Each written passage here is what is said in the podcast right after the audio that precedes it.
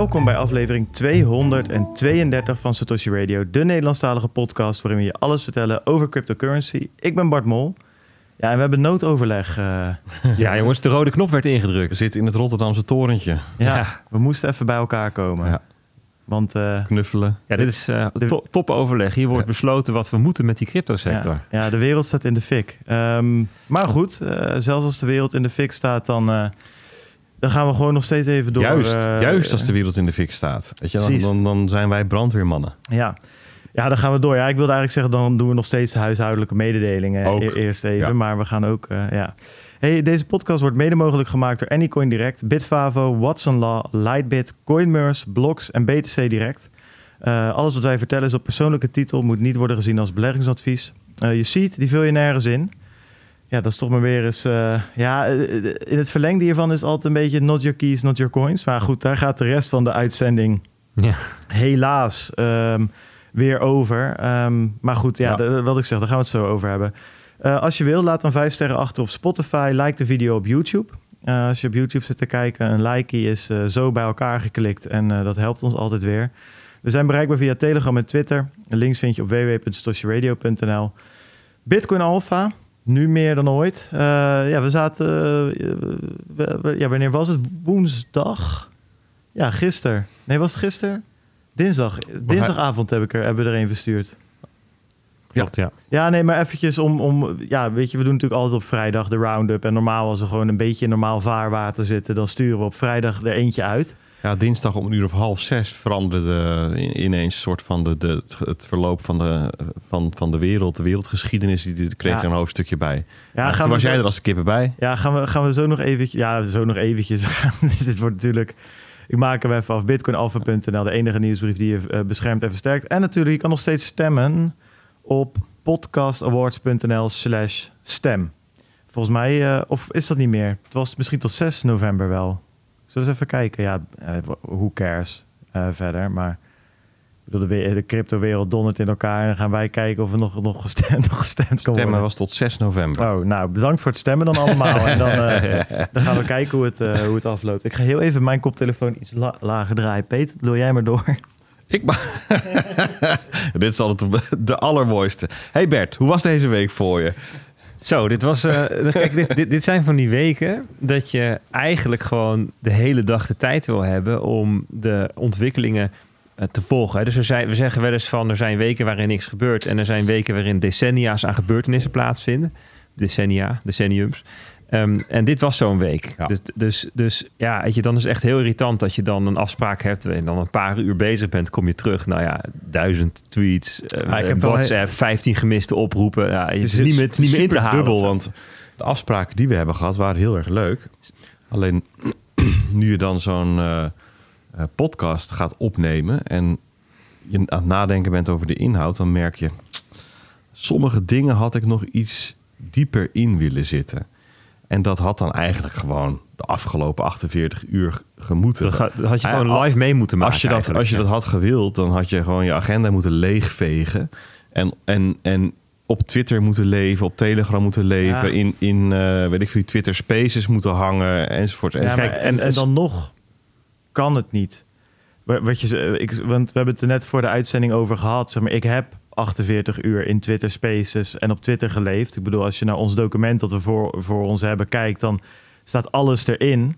Maar je hebt nog een keer 48 uur nodig om dat zeg maar een plek te geven. En om bij de dingen waarvan je denkt, hé, hey, hier lees ik nu wat over, maar hoe zit dat precies? We hadden voor de uitzending bijvoorbeeld van wie is F- SBF nou eigenlijk? De Sam Bankman-Fried is het volgens mij. Ja, dat is Eh, Sam, ehm, Sam Bankrupt Fraud, toch? Ja, Wat is ja, nou? Ja, dat, dat is het nu. Bank, bankrun, bankrun. Sam, ja. Sam Bank, bank. Nee, maar dat, dat is wel dat ik, eh, zeg maar, alleen al het volgen en het nieuws bijhouden de afgelopen twee dagen, dat was al eigenlijk te veel van het goede. Zeg maar, elke keer dat ik Twitter refreshte, was er weer een nieuwe bombshell gevallen. Ehm, ik weet toen, op, op dinsdag, of op, dinsdag toen, toen bekend werd dat Binance eh, die poging wilde doen om, om eh, FTX over te kopen.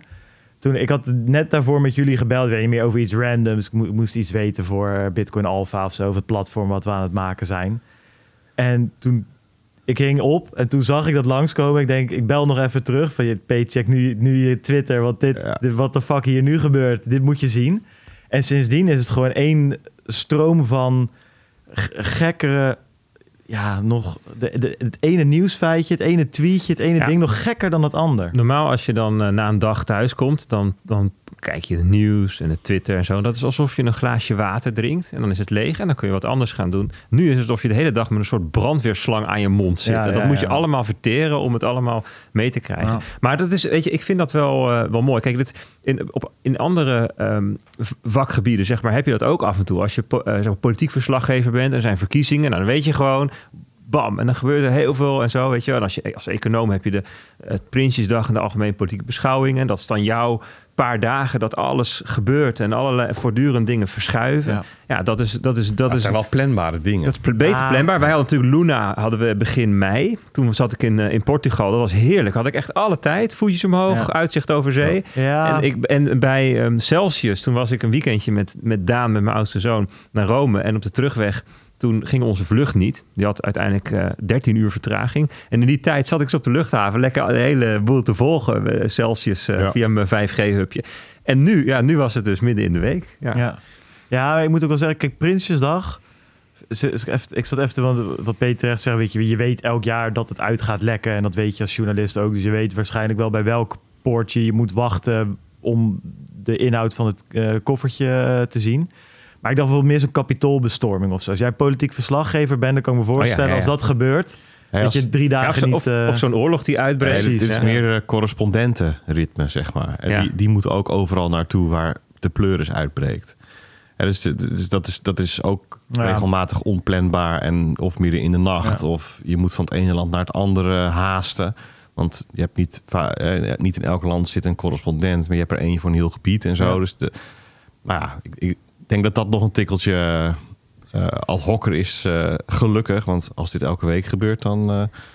ja, is er je, kunt niet je hele leven aan zo'n brandweerslang hangen, laat ik het zo zeggen. Nee, dat sowieso. En ten tweede moet je dan heel erg af gaan vragen in wat voor verrotte industrie je begeeft. Nou, ik, ik vind drie keer in een jaar al redelijk fors, eerlijk gezegd. Ja. Maar daar, daar, ja, daar, Gaan we, daar gaan we anderhalf uur eh, lang, lang over, over lullen. Ja, Tivoli.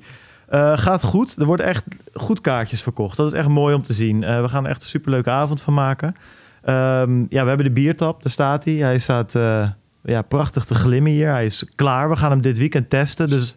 Dat is een We- stuk kleiner dan ik dacht. ja, dit is een klein tapje, maar 35 eh, eh, liter per uur. Dat is meer dan. Dat is, laat ik het zo zeggen. Je hebt aan de ene kant de transactie doorloopsnelheid van Lightning.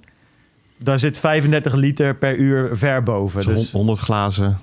Eh, ja, pak een beet. Maar ik bedoel, als iedereen met Blue Wallet betaalt, dan, eh, dan redden we dat met gemak. Ehm, dus die eh, staat er. En we hebben natuurlijk gewoon de, ehm, eh, ja, de aflevering, maar de meetup dus, die, er, die daarna plaats gaat vinden. Ik heb vorige week met de jongens van Tivoli even een drankje gedronken. Even besproken van hoe we de borrel gaan doen. Dus dat is allemaal geregeld. Hm, Ehm, we hebben een leuk cadeautje, komt er, als het goed is, komt er aan voor iedereen die, die erbij is. Een leuke Gimmick? Ja, nee, meer een, echt iets leuks waar je wat aan hebt en wat je gewoon nog kan gebruiken en wat gewoon leuk mee te nemen is naar huis. Ik ben benieuwd. Het is ook voor onze verrassing dit. Zeker dat, ja, dat, eh, dat, we hebben zoveel over FTX en dingen gepraat dat dit eh, even op de achtergrond is verdwenen. Eh, ik heb met Thomas gezeten, dus we gaan kijken of we nog een coole poster of iets kunnen maken. Dus we zijn echt ehm, ja, leuk bezig. Ja, en ook dit, dit komt ook weer op de lijst. Dus er is genoeg om over terug te blikken dit jaar, denk ik, Ja, eh, jongens. Zo. Ja. Ongekend. Eh, misschien een beetje vooruitblikken nog. We hebben een. eh, ik ga met Hilbers van het weekend zitten. Gaan we eens even kijken of we een quizje van het een of het ander in elkaar. Een community quizje. Gecombineerd met wat leuke vragen over het afgelopen jaar. Ja, ik heb er super veel zin in. Het gaat echt een leuke, leuke avond worden. Dus eh, mocht je nog geen kaartje hebben, ga naar tivolivredenburg.nl slash eh, Satoshi Radio. Anders is de eh, link ook te vinden op ons Twitter-account, ook in de Telegram-groep. En volgens mij, we hebben iets van 220 kaarten beschikbaar. Volgens mij is het wel op iets van 130, 140 kaarten verkocht. Met nog een maand te gaan. Dus ik ben Mooi. super tevreden. En Ja. iedereen die al direct gewoon een kaart gekocht heeft, ja, thanks daarvoor. Dat is wel, ehm, ja, het is voor ons ook wat nieuws en eh, spannend. En toch even afwachten altijd van, van ja, hoe, hoe gaat dat? Ja, het ziet er gewoon naar uit dat we gewoon die hele zaal uit gaan verkopen. En dat vind ik wel echt eh, Ja, top. wel trots op. Beter begin is er niet. Beter begin is er niet. Uh, deze week geen donaties. Ik denk dat alle mensen de sats in hun zak houden om aan de biertappen uit te geven. Of ze kunnen er niet bij. Ja, goed, het is Lightning. Hè? FTX had geen Lightning, uh, geloof ik. Dat wilde. Dat, ja, dat was ook nog die conversatie of dat gesprek met SBF. Tijdje terug voor mij met, met Jack, Jack, of zo. Ja. ja. ja. Um, dan hebben we Connect the World. Uh, die hadden Noor El Huda uh, in de aflevering. En Noor is mede-organisator van Adopting Bitcoin. Dat is een conferentie in El Salvador. Vorig jaar in november volgens mij voor het eerst uh, gehouden. En dit jaar voor de tweede keer. Schijnt echt een leuke... Ja, leuk, echt weer als je het vergelijkt met Bitcoin Amsterdam, Bitcoin Miami, dat soort dingen. Dit is weer een beetje hoe, het, hoe ik het voor me zag, gewoon 2013 of zo. Dit is heel erg lightning gericht. En het is natuurlijk allemaal in El Salvador. Het is allemaal wat kleiner, wat meer grassroots. Wel vet. Hm. Ehm, ja, het is dat het tegenwoordig zo duur is om op vakantie te gaan. Dan zal ik het misschien uh, ook nog wel overwogen. Maar goed, uh, ga luisteren. Het is echt wel leuk om, uh, ja, om dat even te, te horen. Jongens. Ja, met dat out of the way. er staat flink, we hebben dus zo de laptopjes hier en in het midden staat een enorme roze olifant. Hebben we eh, gewoon eventjes organisatorisch uh, vraagje. Hebben we een, een, even bellen met ook deze Zeker, keer? ja nee, daarvoor, uh, daarvoor zat ik zo in de stress. Of in ieder geval, ik had die afspraak hiernaast staan. Ja, precies. Daar liep een beetje tegenaan. Om op te nemen. Maar wil je die dan nu in de show of erna? Of dat ik, eh. want ik ga er zo van uit dat als we hier gaan induiken, dat we, heel, dat we een hele tijd niet meer boven ik, Zal ik gewoon uh, zeggen, um, even kijken hoor, zet een timer voor 45 minuten. Ja, dat klinkt goed. 45 minuten en de klok loopt. En dan, uh, nou, dan horen we het en dan ronden we daar even ronden we daar rustig af. En dan gooi ik hem ertussen en dan gaan we weer, uh, weer verder. mooi, dus Siri die waarschuwt ons gewoon. Dus ik gebruik Siri alleen maar voor, voor timers in de keuken. Ja, dat is ideaal met zo'n Apple Watch. Het is gewoon even zet een timer voor twee minuten, drie minuten. En dan, uh, de timer, dat wel. Maar nou, ik gebruik hem voor meer dingen. Ik bedoel, uh, maar any, anyway. We moeten het over FTX, over Binance, over de hele complete meltdown van de crypto-industrie hebben. Bert, jij zei voor de uitzending van... joh jongens, ik heb wel een introductie in mijn hoofd zitten. Dus ik zou zeggen, ik ga geen graspriet verder meer voor je voeten wegmaaien.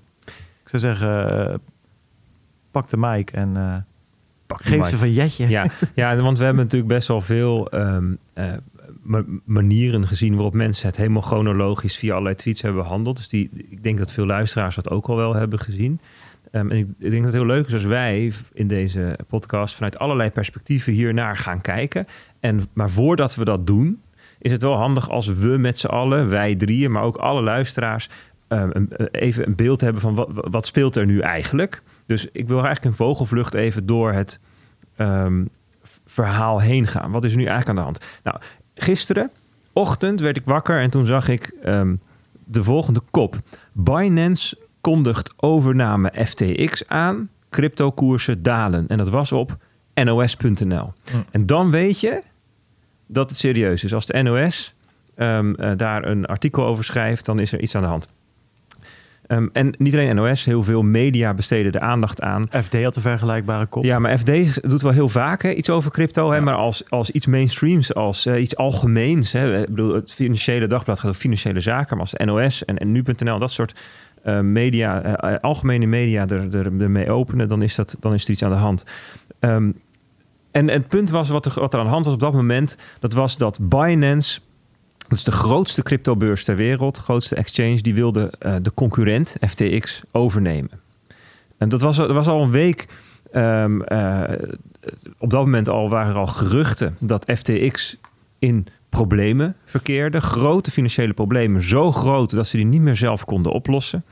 Um, en Binance die zou FTX gaan redden. Maar die reddingsactie zelf, op zichzelf, daar was al heel veel om te doen. Want, want, want in de aanloop naar die reddingsactie heeft, heeft Binance ook een rol gespeeld in het verergeren hè, van, de, van, de, van de geruchten. dus ze waren onderdeel van de het, FUT. Van de FUT. Nou ja, van, nou, van, de, van de gesprekken over die financiële situatie.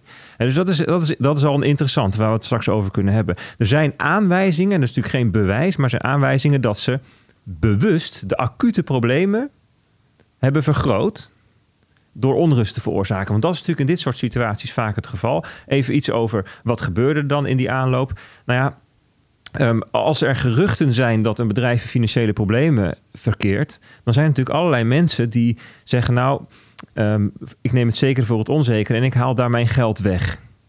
Hè, dat is één. En ten tweede, wat mensen kunnen doen, zeggen van, oh, interessant. Misschien kan ik de tent shorten. Hè, dus dan ga je speculeren op dat het misgaat. En dat soort dingen, die als er dan inderdaad problemen zijn, verergeren die die problemen. En het kan zelfs zo zijn dat er helemaal geen problemen zijn, nog eigenlijk feitelijk, maar die daardoor veroorzaakt worden. Dus dat is een hele ehm, sp- spannende situatie natuurlijk. En dan heeft Binance, en zeker directeur CZ, hè, zo is de afkorting van zijn naam, Ja, voor, voor, voor bonuspunten mag je hem nu even uitspreken. Changpeng Zhao. Ja, zoiets toch? Inderdaad. Ja, maar ja. die, die, ehm, Peter weet het, maar die, ma die ja, mag Peter heeft, hem- met, hem- Peter heeft met me ge, mag hem Chang noemen. Ja, Nee, maar dat is eh, NDA, zo hoe je het eh, precies uitspreekt. maar, Alleen maar die- Joël Beukers, een kwebbelkop en jij weten dat. Precies. Maar die, die, die, ehm, die hebben natuurlijk ongelofelijke reach. En die hebben natuurlijk ook, ik bedoel, als, als Binance die zegt, denk van, nou, die, die, die kennen de industrie, die kennen de lijntjes. Dus dat is natuurlijk een hele ehm, eh, nou ja, eh, eh, spannende situatie. We zeggen dat precair dat dat zou zijn gebeurd. Goed, FTX is ook niet zomaar een exchange. En zeker in de Verenigde Staten heel erg zichtbaar, heel erg bekend. Ehm, in ehm, eh, maart 2021, hè, dus dat is anderhalf jaar geleden, betaalde het bedrijf 135 miljoen dollar om het sportstadion in Miami de naam FTX Arena te geven. Ja, we zeiden het voor de uitzending nog. Bert. Wij zijn daar geweest, ja, Bart. ja, we hebben nog crypto, crypto. Ja, want dat was, ja, maar dat was dus, eh, dat was al, ja, wij, wij waren daar in eh, april was April, het, hè? ja, En ja. voor Bitcoin Miami. En toen zijn we daar naar de basketbalwedstrijd geweest Ja. van de eh, Miami, Heat. Ja, ja, ja. En, ehm, en, en, en als je, overal zie je crypto en FTX terugkomen. En er was inderdaad ook een gesponsord eh, onderdeeltje. Dat, dat ze, dan mochten die basketballers, of er mochten, mochten eh, Mensen, ja. ja. waarschijnlijk Publiek, bekende mensen. Die mochten dan voor 5000 dollar aan crypto, mochten ze proberen die bal in zo'n netje te gooien. Crypto. Dus dat is, het, in, in de Amerikaanse ehm, eh, maatschappij is FTX best wel zichtbaar. En, en, en daar komt bij ehm, dat, het ook, dat ze zich ook expliciet als een betrouwbare partij marketen. En dat, dat bijvoorbeeld door eh, hele sterke focus te leggen op regulering en toezicht. Hè, ehm, eh, Sam is de- dat is de directeur SBF van ehm, FTX. Die betaalde aan de eh, v- v- 50 miljoen aan de verkiezingscampagne. En hij was heel erg zichtbaar in, in Washington. Hij, eh, eh, lobbyde voor crypto-wetgeving. En weet Al je was wel. dat wel een vrij scherpe U-turn hoor, maar daar kunnen we zo nog kunnen we het later even over hebben. eh, Maar in ieder geval, ehm, ik zag ook best wel wat tweets langskomen van mensen die zeiden van, nou ja, ehm, eh, ik heb in het verleden mensen aangeraden om het bij FTX neer te zetten, want dat is in ieder geval geen shady exchange, weet Ja. je wel, zoiets. Ja. Eh, dus ehm, eh, ik, ik denk dat in Nederland eh, niet superveel mensen zijn die hun crypto bij FTX hadden staan en dat het in Amerika eerder de keus voor FTX was. We hadden het er van tevoren Ja. ook even over. Bart zei van ja, het, het, het, het raakt mij persoonlijk niet omdat ik geen, niks daar had staan. En, ehm, maar dat geldt voor veel anderen is dat anders natuurlijk. Hij was ook een beetje een posterboy. Hè? Ik bedoel, eh, kijk, eh, Binance en CZ, dat is allemaal een beetje Chinees en, en whatever.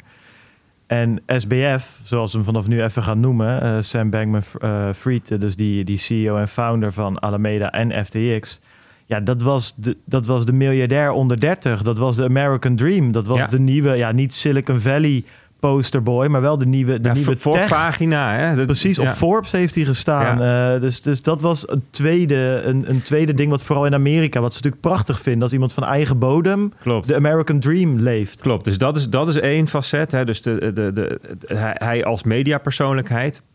Maar hij stond bijvoorbeeld ook op de foto op, op Twitter met ehm, eh, commissarissen van ehm, de CFTC, toezichthouder. Die grappig genoeg nu al die tweets weer heeft verwijderd. En maar zo even nog even een selfie maken. Heel trots. Ik sta met Sam op de foto, weet je wel. Nou, dat, was dus, dat blijkt dus een façade te zijn geweest. En dat is denk ik wat insloeg als een bom.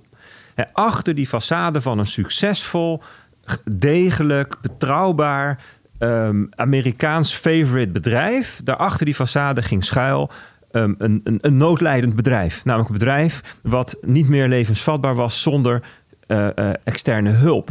Een bedrijf dat blijkbaar te veel en te grote risico's heeft genomen. En die dat blijkbaar heeft willen verbloemen door, ehm, door, door bezittingen van klanten. uit te lenen of als onderpand te geven, maar in ieder geval ervoor te zorgen dat ze die niet meer hebben. Want kijk, het punt is als, als FTX, de exchange, puur dat, dat bedrijf, alle assets van de klanten gewoon had. Ja, dan hadden ze dus alle, alle eh, eh, eh, opnames hè, of onttrekkingen gewoon kunnen toestaan. En dan was er niks aan de hand geweest. Maar blijkbaar waren die er niet. Dus daar hebben ze blijkbaar iets mee gedaan. En wat dan precies? En daar kunnen we het straks misschien over hebben. Want dat is ook een kwestie van ja, dat zou dit of het zou dat kunnen zijn. Nou ja, en dit verhaal begon eigenlijk een, een dag of zes geleden toen ehm, iemand de balans van Alameda Research lekte. Ehm, dat is een zusterbedrijf van FTX. Dus die hebben we nu ook geïntroduceerd. Ehm, eh, en ehm, beleggers die kwamen dat op het spoor. Hè, want Maar dat is die- dus, je hebt FTX, de exchange. En Alameda is een soort van market maker, trading firm. Klopt, die bestond partij. eerst en daarna kwam, eh, kwam FTX. En die, zijn heel, die blijken heel erg verstrengeld te zijn... in plaats van dat ze netjes eh, van elkaar gescheiden zijn... en op afstand van elkaar zijn... en alleen maar zakelijk met elkaar Mhm. handelen. Nou, eh, en en dat, dat, dat, dat lekte uit. En nou, toen ontstonden natuurlijk speculaties en geruchten... van wat zou er aan de hand zijn? Hoe erg zou het zijn? En, en toen begon er een bankrun. Hè, dus klanten begonnen rustig aan daar geld weg te halen bij FTX... En dat was in de eerste paar dagen 500 miljoen. Eh, en uiteindelijk, uiteindelijk liep dat op naar een miljard ehm, eh, op dinsdag. En dat zou op zichzelf helemaal niet een probleem moeten zijn. Zelfs niet als je eh, een deel van je assets, bijvoorbeeld in staking of wat dan ook voor manier vast hebt zitten. Ehm, ehm, maar het ging door, het werd steeds meer, het ging ook steeds sneller, totdat FTX in liquiditeitsproblemen kwam. En dus eh, eh, ehm, ja, de withdrawals stopzetten. Hè, daar op- zit nog wel wat tussen. ja, maar dat kunnen we straks, want ik wil het op Nou ja, hoofdlijnen houden. Iets cruciaal. Ja, oké. maar als, je- als je, maar. nou, dat Coindesk-artikel was natuurlijk de eerste, de eerste scheur. Maar daarna kwam, eh, kwam die inkomende de Will Watch, dat Twitter-account, die grote eh, transacties bijhoudt. Die had opeens van, er wordt 520 miljoen dollar aan FTX of FTT-tokens naar Binance gestuurd. Wie zou dat zijn en waarom? En eh, toen zei CZ op een gegeven moment van ja, dat zijn wij. Want we, we verkopen de, he- de, de hele zooi. Mhm. Ja, goed, weet je. Dat was het moment dat, dat natuurlijk de, de echte vlam... In, Ja. nog, dat, de vlam stond al in de pan. Ja, en in plaats van blussen werd er olie bij Ja, en hier kunnen we dus denk ik een minuut of tien over hebben... van wat daar precies gebeurd is. Ja. tussen. En daar wilde ik eigenlijk nu niet hier Nee, goed, dan laten we hem hier even, even staan. Dus en, nou ja, wat gebeurde er dan ehm, eh, op dinsdag? Ehm, toen kwam men, kwamen ineens, dat was al het moment dat iedereen zei: waar, we horen niks meer van FTX. Dat is raar. Al 18 uur geleden dat SBF voor het laatst getweet heeft. En toen kwam er ineens tegelijk vanuit FTX en vanuit Binance berichten naar buiten van: ehm, we hebben een overname ehm, bedacht. We hebben een overname gepland. Dat is ons, ons plan. Dat is ons idee om dit op te lossen.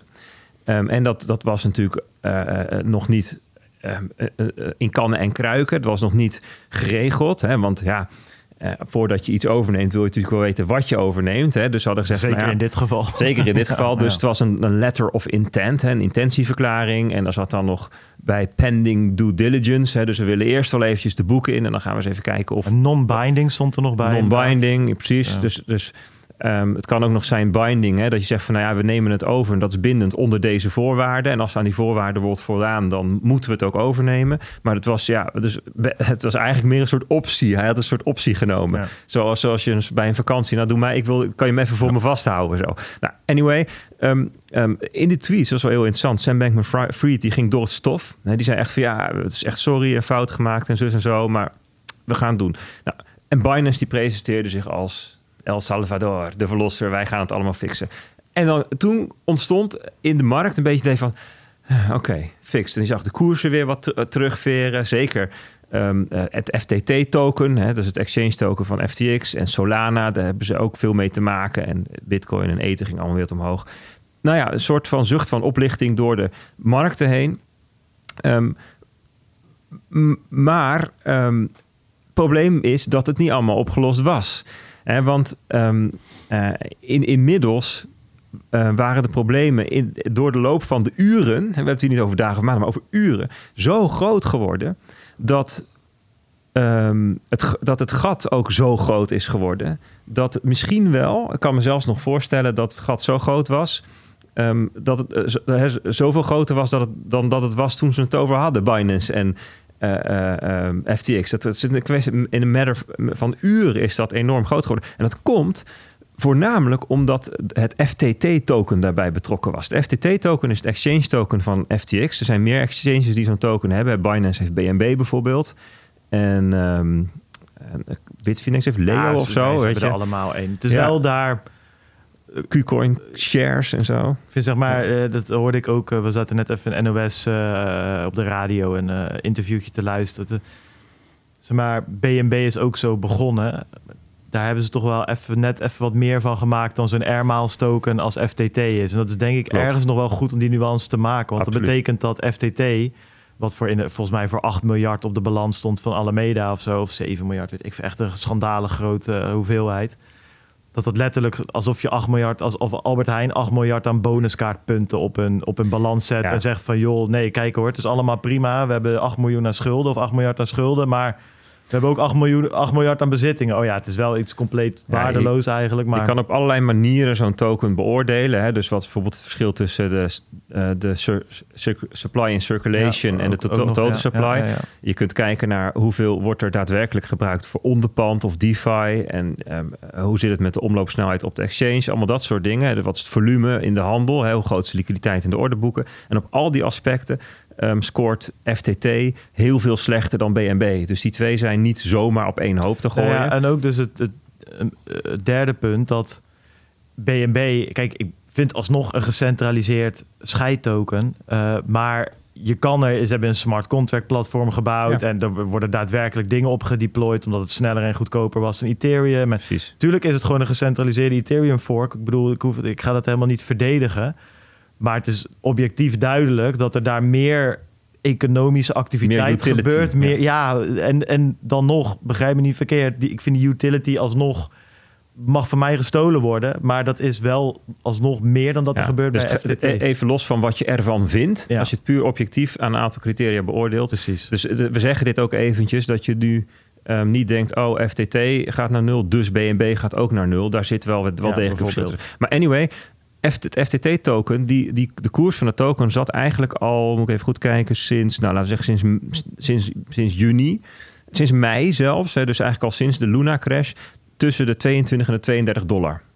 Ehm, best wel een mooi kanaal naar rechts horizontaal, eigenlijk zoals Bitcoin dat ook een tijdje eh, best wel stabiel leek te zijn. Hè? En nu, nu, nu kletterde het in, in, in, nou ja, laten we zeggen in 24 uur van 22 naar 4 dollar. Dat is wel stevig. Ja. Kijk, en het grote probleem was, dat, dat, werd nu, dat was al zichtbaar door die uitgelekte balans.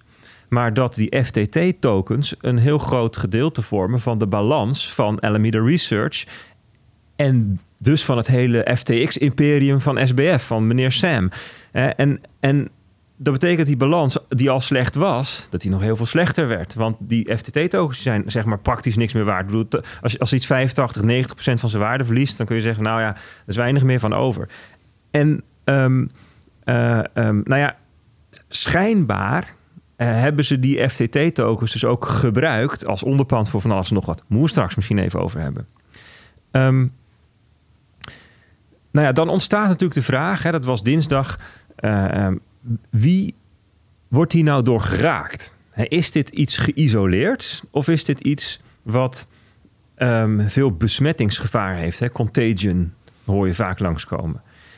En ehm, hè, want dat was natuurlijk het, het, het grote verhaal van Celsius. Ehm, dat het niet alleen maar Celsius was, maar dat daar allerlei dingen omheen, allerlei bedrijven omheen, dus Three Arrows Capital en Voyager en nou ja, BlockFi geloof ik, allemaal partijen die ook in de problemen kwamen omdat ze weer uitgeleend hadden aan en geleend hadden van. En dus dat was met elkaar verstrengeld. En daarom, eh, Teunis Broosens, die was volgens mij de eerste, hè, de, ehm, cryptoman bij ING. Die zei van ja, het, het doet me heel erg denken aan de kredietcrisis van 2008. Daar bleek ook dat ongelooflijk veel met elkaar verstrengeld was. Nou, dat was dan, en dat werd er wel eens genoemd, ja, dat was het Lehman moment van crypto. Ehm, en dat is dan dus nu meteen ook de vraag. Iedereen heeft het nog vers in het geheugen. Dus hoe zit het nou? Dus heel veel bedrijven kwamen eigenlijk meteen met... nou Ja, weet je, bij ons is het zo. Hè? Dus Tether bijvoorbeeld en Circle, die zeiden wij hebben geen blootstelling aan Elemental Research, FTT of FTX, Exchange enzovoort. Nou, Dus, dus dat, dat is al een interessante vraag. Kunnen we het straks ook over hebben. Hè, waar zit nou het besmettingsgevaar nog? Hoe verstrengeld is het allemaal? Ehm, ja, en die onzekerheid die ontstond, dat is in ieder geval mijn taxatie. Die zal ik dan even als schot voor, voor de boeg doen. Die onzekerheid die daar ontstond over hoe, ehm, hoe erg kan dit een dominoveld worden, die zorgde hoofdzakelijk voor de dalende koersen bij crypto-assets. dus uh, Bitcoin daalde um, naar onder de 17.500 dollar, het laagste punt uh, tot nu toe deze bearmarkt. Straks nog wel even een marktupdateje doen. Ether daalde ook ietsjes meer dan Bitcoin, maar nog niet tot het laagste punt. Dat is op zijn interessant. Nou ja, natuurlijk het FTT-token, Solana, Sol, die daalde ook heel erg. En dat komt omdat FTX um, uh, of Alameda Research, ik weet eigenlijk niet eens precies hoe dat zit, maar wel een grote vinger in de pap hebben gehad bij Solana. Ja, zeker. zeker. SBF was altijd een groot uh, voorstander, zeg maar. Ja, of misschien zelfs betrokken bij de, bij de oprichting of zo. Op die manier grote ja. stapels. Nou, ja, in ieder geval, uh, die zat er altijd wel. dat was, ja, die zat er altijd wel. Zo, ja, dus ja, dus ja, voorstander, dus, daar hou ik het even Dus ik, ik, kreeg natuurlijk ook veel vragen hè, van, uh, van, van radio en zo. Van mensen, ja, waarom, um, waarom daalt dan nu crypto? Waarom daalt dan nu bitcoin? Ja. ja. dus, dus eigenlijk in eerste instantie nog niet omdat er um, noodgedwongen zoveel bitcoin gedumpt wordt door FTX of Alameda Research. Hè. Alameda Research had volgens mij niet eens bitcoin op de balans. Maar omdat de markt in zijn geheel nu denkt, hmm, wat betekent dit? paniek. Uh, ook, ook gewoon algoritmes die op basis van het negatieve sentiment, negatieve nieuws verkopen. Weet je, allemaal dat soort dingen. Ja, en dan, dan, dan ontstaat zo'n situatie. Nou, daar kunnen we straks ook even verder over hebben. Ja. Um, en dan is het nog belangrijk, vind ik, om in deze situatie, dat vind ik ook even setting the scene, hè, waar praten we nu over? We hebben het over crypto-bedrijven die in de problemen zitten. De crypto-netwerken, de crypto-protocollen, laten we zeggen het Bitcoin-netwerk, het Lightning-netwerk Ethereum, de DeFi-contracten, die doen het gewoon. Die hebben het altijd gedaan. Die zijn geen seconde down geweest. Bitcoin heeft geen blok gemist. De miners die minen nog gewoon. Hoeveel pijn dit ook aan ze nou, doet, kunnen we het ook nog zeggen, over hebben. Die heb ik ook op het lijstje staan. want dit uh, wordt ook wel... Dat is een soort van derde orde effect. Kan ja, ja, ja, zeker. En hè, we hebben gelukkig vorige week volgens mij geconstateerd... in ieder geval de alfa, ik weet niet of het ook in uh, social radio was... maar dat die miners voordat ze... Um, in de acute problemen komen in de maanden voorafgaand eraan al aan het verkopen zijn. Hè. Dus dat is een geleidelijk proces, gelukkig. Dus je hoeft niet te verwachten dat er nu 400.000 bitcoin gedumpt wordt... omdat die miners in één keer allemaal in de squeeze komen. Maar ja, het zijn wel um, uh, uh, consequenties. Um, wat wil ik nou zeggen? Ja, het zijn dus de crypto-bedrijven die in de problemen zijn... en niet de crypto zelf, zal ik maar zeggen. Dus niet crypto is stuk. Nee, de crypto-bedrijven zijn stuk. Blijkbaar. Nou ja, de vraag is wie zijn er dan stuk? En wie zijn er niet stuk? En is dat verschil, kunnen we dat verschil aanwijzen? Ik vind dat ook een leuke vraag om straks op in te gaan. Hoe zit het nou? Kun je, kun je het verschil zien tussen een FTX, die blijkbaar voor de schermen zo schitterend was, maar achter de schermen smerig verrot bleek, en een bedrijf wat daadwerkelijk helemaal van voor tot achter netjes integer en goed handelt? Dat is een interessante vraag. Um, Best een leuk lijstje vragen. Ja, um, eens even kijken. Ja, en, en wat betekent het dan bijvoorbeeld voor um, wetgeving en toezicht? Helpt dat juist of helpt dat juist niet? Ja. Nou ja, dan eventjes uh, de laatste ontwikkelingen. Nou, uh, misschien vanmorgen gehoord op de radio of in de krant. Want dit stond ook weer op nos.nl. Bitcoin ziet af van de overname. Binance. Uh, sorry, Binance ziet af. Ja, heel goed. Ja, Binance ziet af van de overname. Bitcoin heeft helemaal niks mee te maken. Even de scoop van Bert hier. Die heeft Satoshi net ja, gesproken. Heb, dus het gaat het toch niet worden. Ja, ik heb even mijn vader gebeld. Uh, zegt Satoshi. Maar um, nee, nee dus, dus Binance die ziet ervan af. Hij ze zeggen het is... Um, uh, de problemen zijn te groot. En dus eigenlijk, wij kunnen dit niet oplossen. Dit, dit, dit zou, je leest dan tussen de regels door, dit zou ons kapot, kapot maken. maken. Ja, nou, ook hier kunnen we het over hebben, van zit hier meer achter? Hè? Peter had een heel mooi draadje op Twitter, ook uh, over hoe dit, wat, wat, wat het, het, spelplan zou kunnen zijn geweest. En maar in ieder geval feitelijk gezien af van de overname. Ja, en dat was wel de reden. Gisteravond was dat, denk ik, om een uur of... Um, 6, 7 dat, dat, dat, dat crypto assets um, allemaal collectief uh, uh, nou ja, 10, 15, 20 procent waarde verloren. En ook wel wat terugwonnen hoor. Maar ik geloof dat ik Bitcoin in de, in de, de, de 15 voor aan heb zien staan. In ieder geval onder de 16.000 dollar.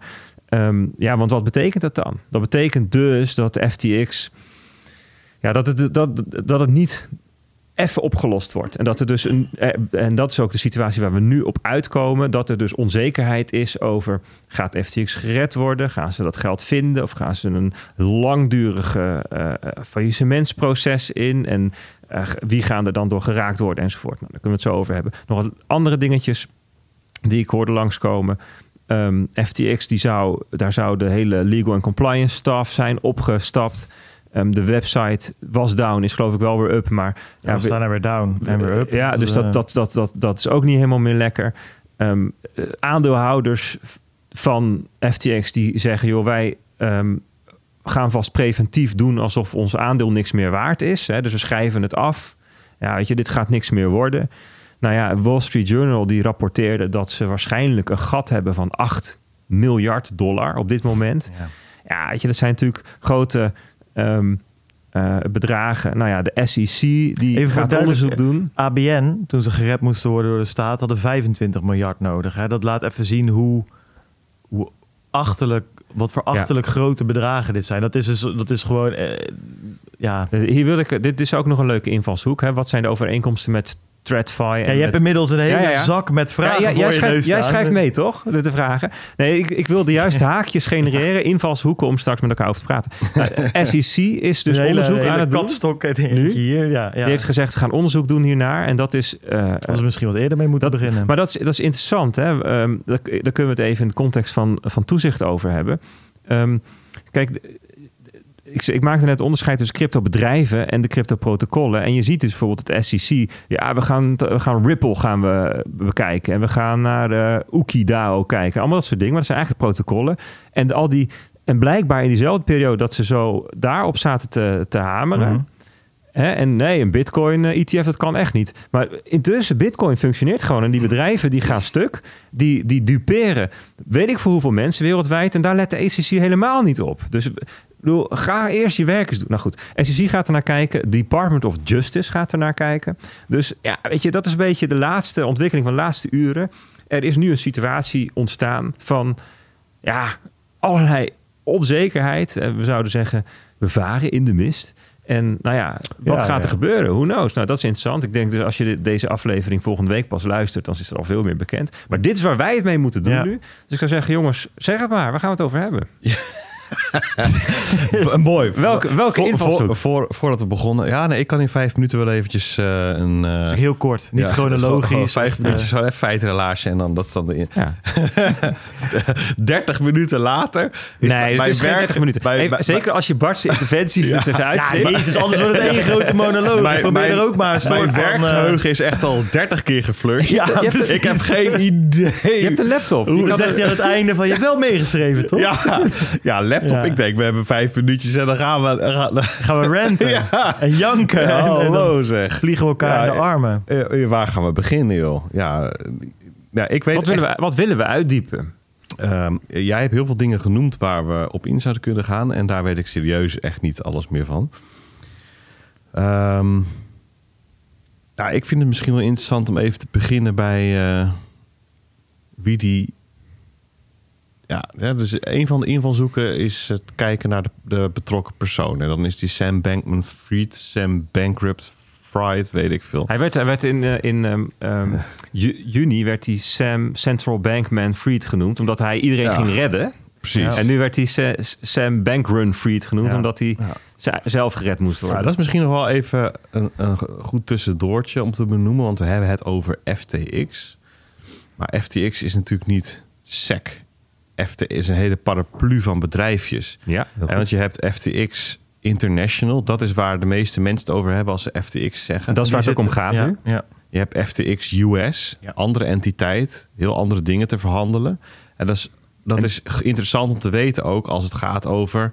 ja, um, ze waren geliefd in de VS. Dan heb je het over het, een heel ander ding eigenlijk dan FTX International. Nee, nou, dat is interessant. Daar, daar werd gesproken op de Bankless podcast werd daarover gesproken. En zij citeerde quote, of, uh, tweets van um, de Coin, Coinbase directeur Brian Armstrong. En die zei, die, die eigenlijk was hij een beetje boos op de Amerikaanse overheid. Om te zeggen, ja, doordat jullie zo ontzettend ehm, lamlendig traag zijn in het maken van fatsoenlijke wetgeving. da- en daardoor is een FTX US eigenlijk een slap aftreksel van een echte exchange. En daardoor duw je Amerikanen allemaal naar exchanges offshore. Die gaan dus naar FTX International in plaats van naar FTX US. En daardoor vindt, hij zegt 95% van de Amerikaanse cryptohandel vindt offshore plaats. Dus ik denk niet dat alle Amerikanen op FTX US zaten, maar Nee. dat een heel groot gedeelte inderdaad op FTX International zat. alleen dat, dat suggereert juist dat ehm, Sam Bankman-Fried niet per se het eh, liefste jongetje van de klas werd gevonden door de Amerikaanse politiek of toezichthouder. Eh, de, de- vraag is of dat zo is, hoe de Amerikaanse overheid er nou. hè, want eh, er wordt, er wordt ook iets ge- ehm, gesuggereerd over dat Binance niet welkom is in de VS, maar FTX wel. Nou, dat vraag ik me dan af. Zo, eh, FTX misschien wel Binance heeft een Binance US. Ja, eh, dus die- positie is min of meer hetzelfde. Behalve dat de achtergrond natuurlijk van de mensen achter Binance anders is dan die van SPF. In ieder geval was Sam Bankman-Fried wel actief aan het lobbyen voor meer wetgeving. Was aan het meeschrijven aan wetten of zo. Dus Maar ten opzichte van Coinbase is het eigenlijk, doen ze het niet volgens het boekje, zeg maar. nee, want dat zegt Brian Armstrong. Zegt, ja, wij, wij zijn een betrouwbare partij. Ik bedoel, wij zijn ehm, een beurs genoteerd. Dus we staan onder allerlei... We moeten alle dingen publiceren. Transparant, toezicht, weet ik veel. Ja. Dat is de, de way to go. Nou, nou heb ik ook niet per se eh, eh, alleen maar goede verhalen over Coinbase, over Nee. zeiden. Maar dat, ik zeg ook dat, dat Brian Armstrong dat zegt. Ja, hè? ja, dus FTX International, FTX US. Nou, en dan hebben ze nog bedrijfjes die zijn overgenomen. Bedrijfjes, dat zijn ook wel weer gewoon best wel serieuze spelers. Voyager natuurlijk, die Ja. was failliet gegaan. Bitvo Exchange, Storybook Brawl, Liquid Global, Blockfolio. Maar natuurlijk ook BlockFi. Die zijn, zijn deze overgenomen door FTX? Ja, Oké. BlockFi niet trouwens.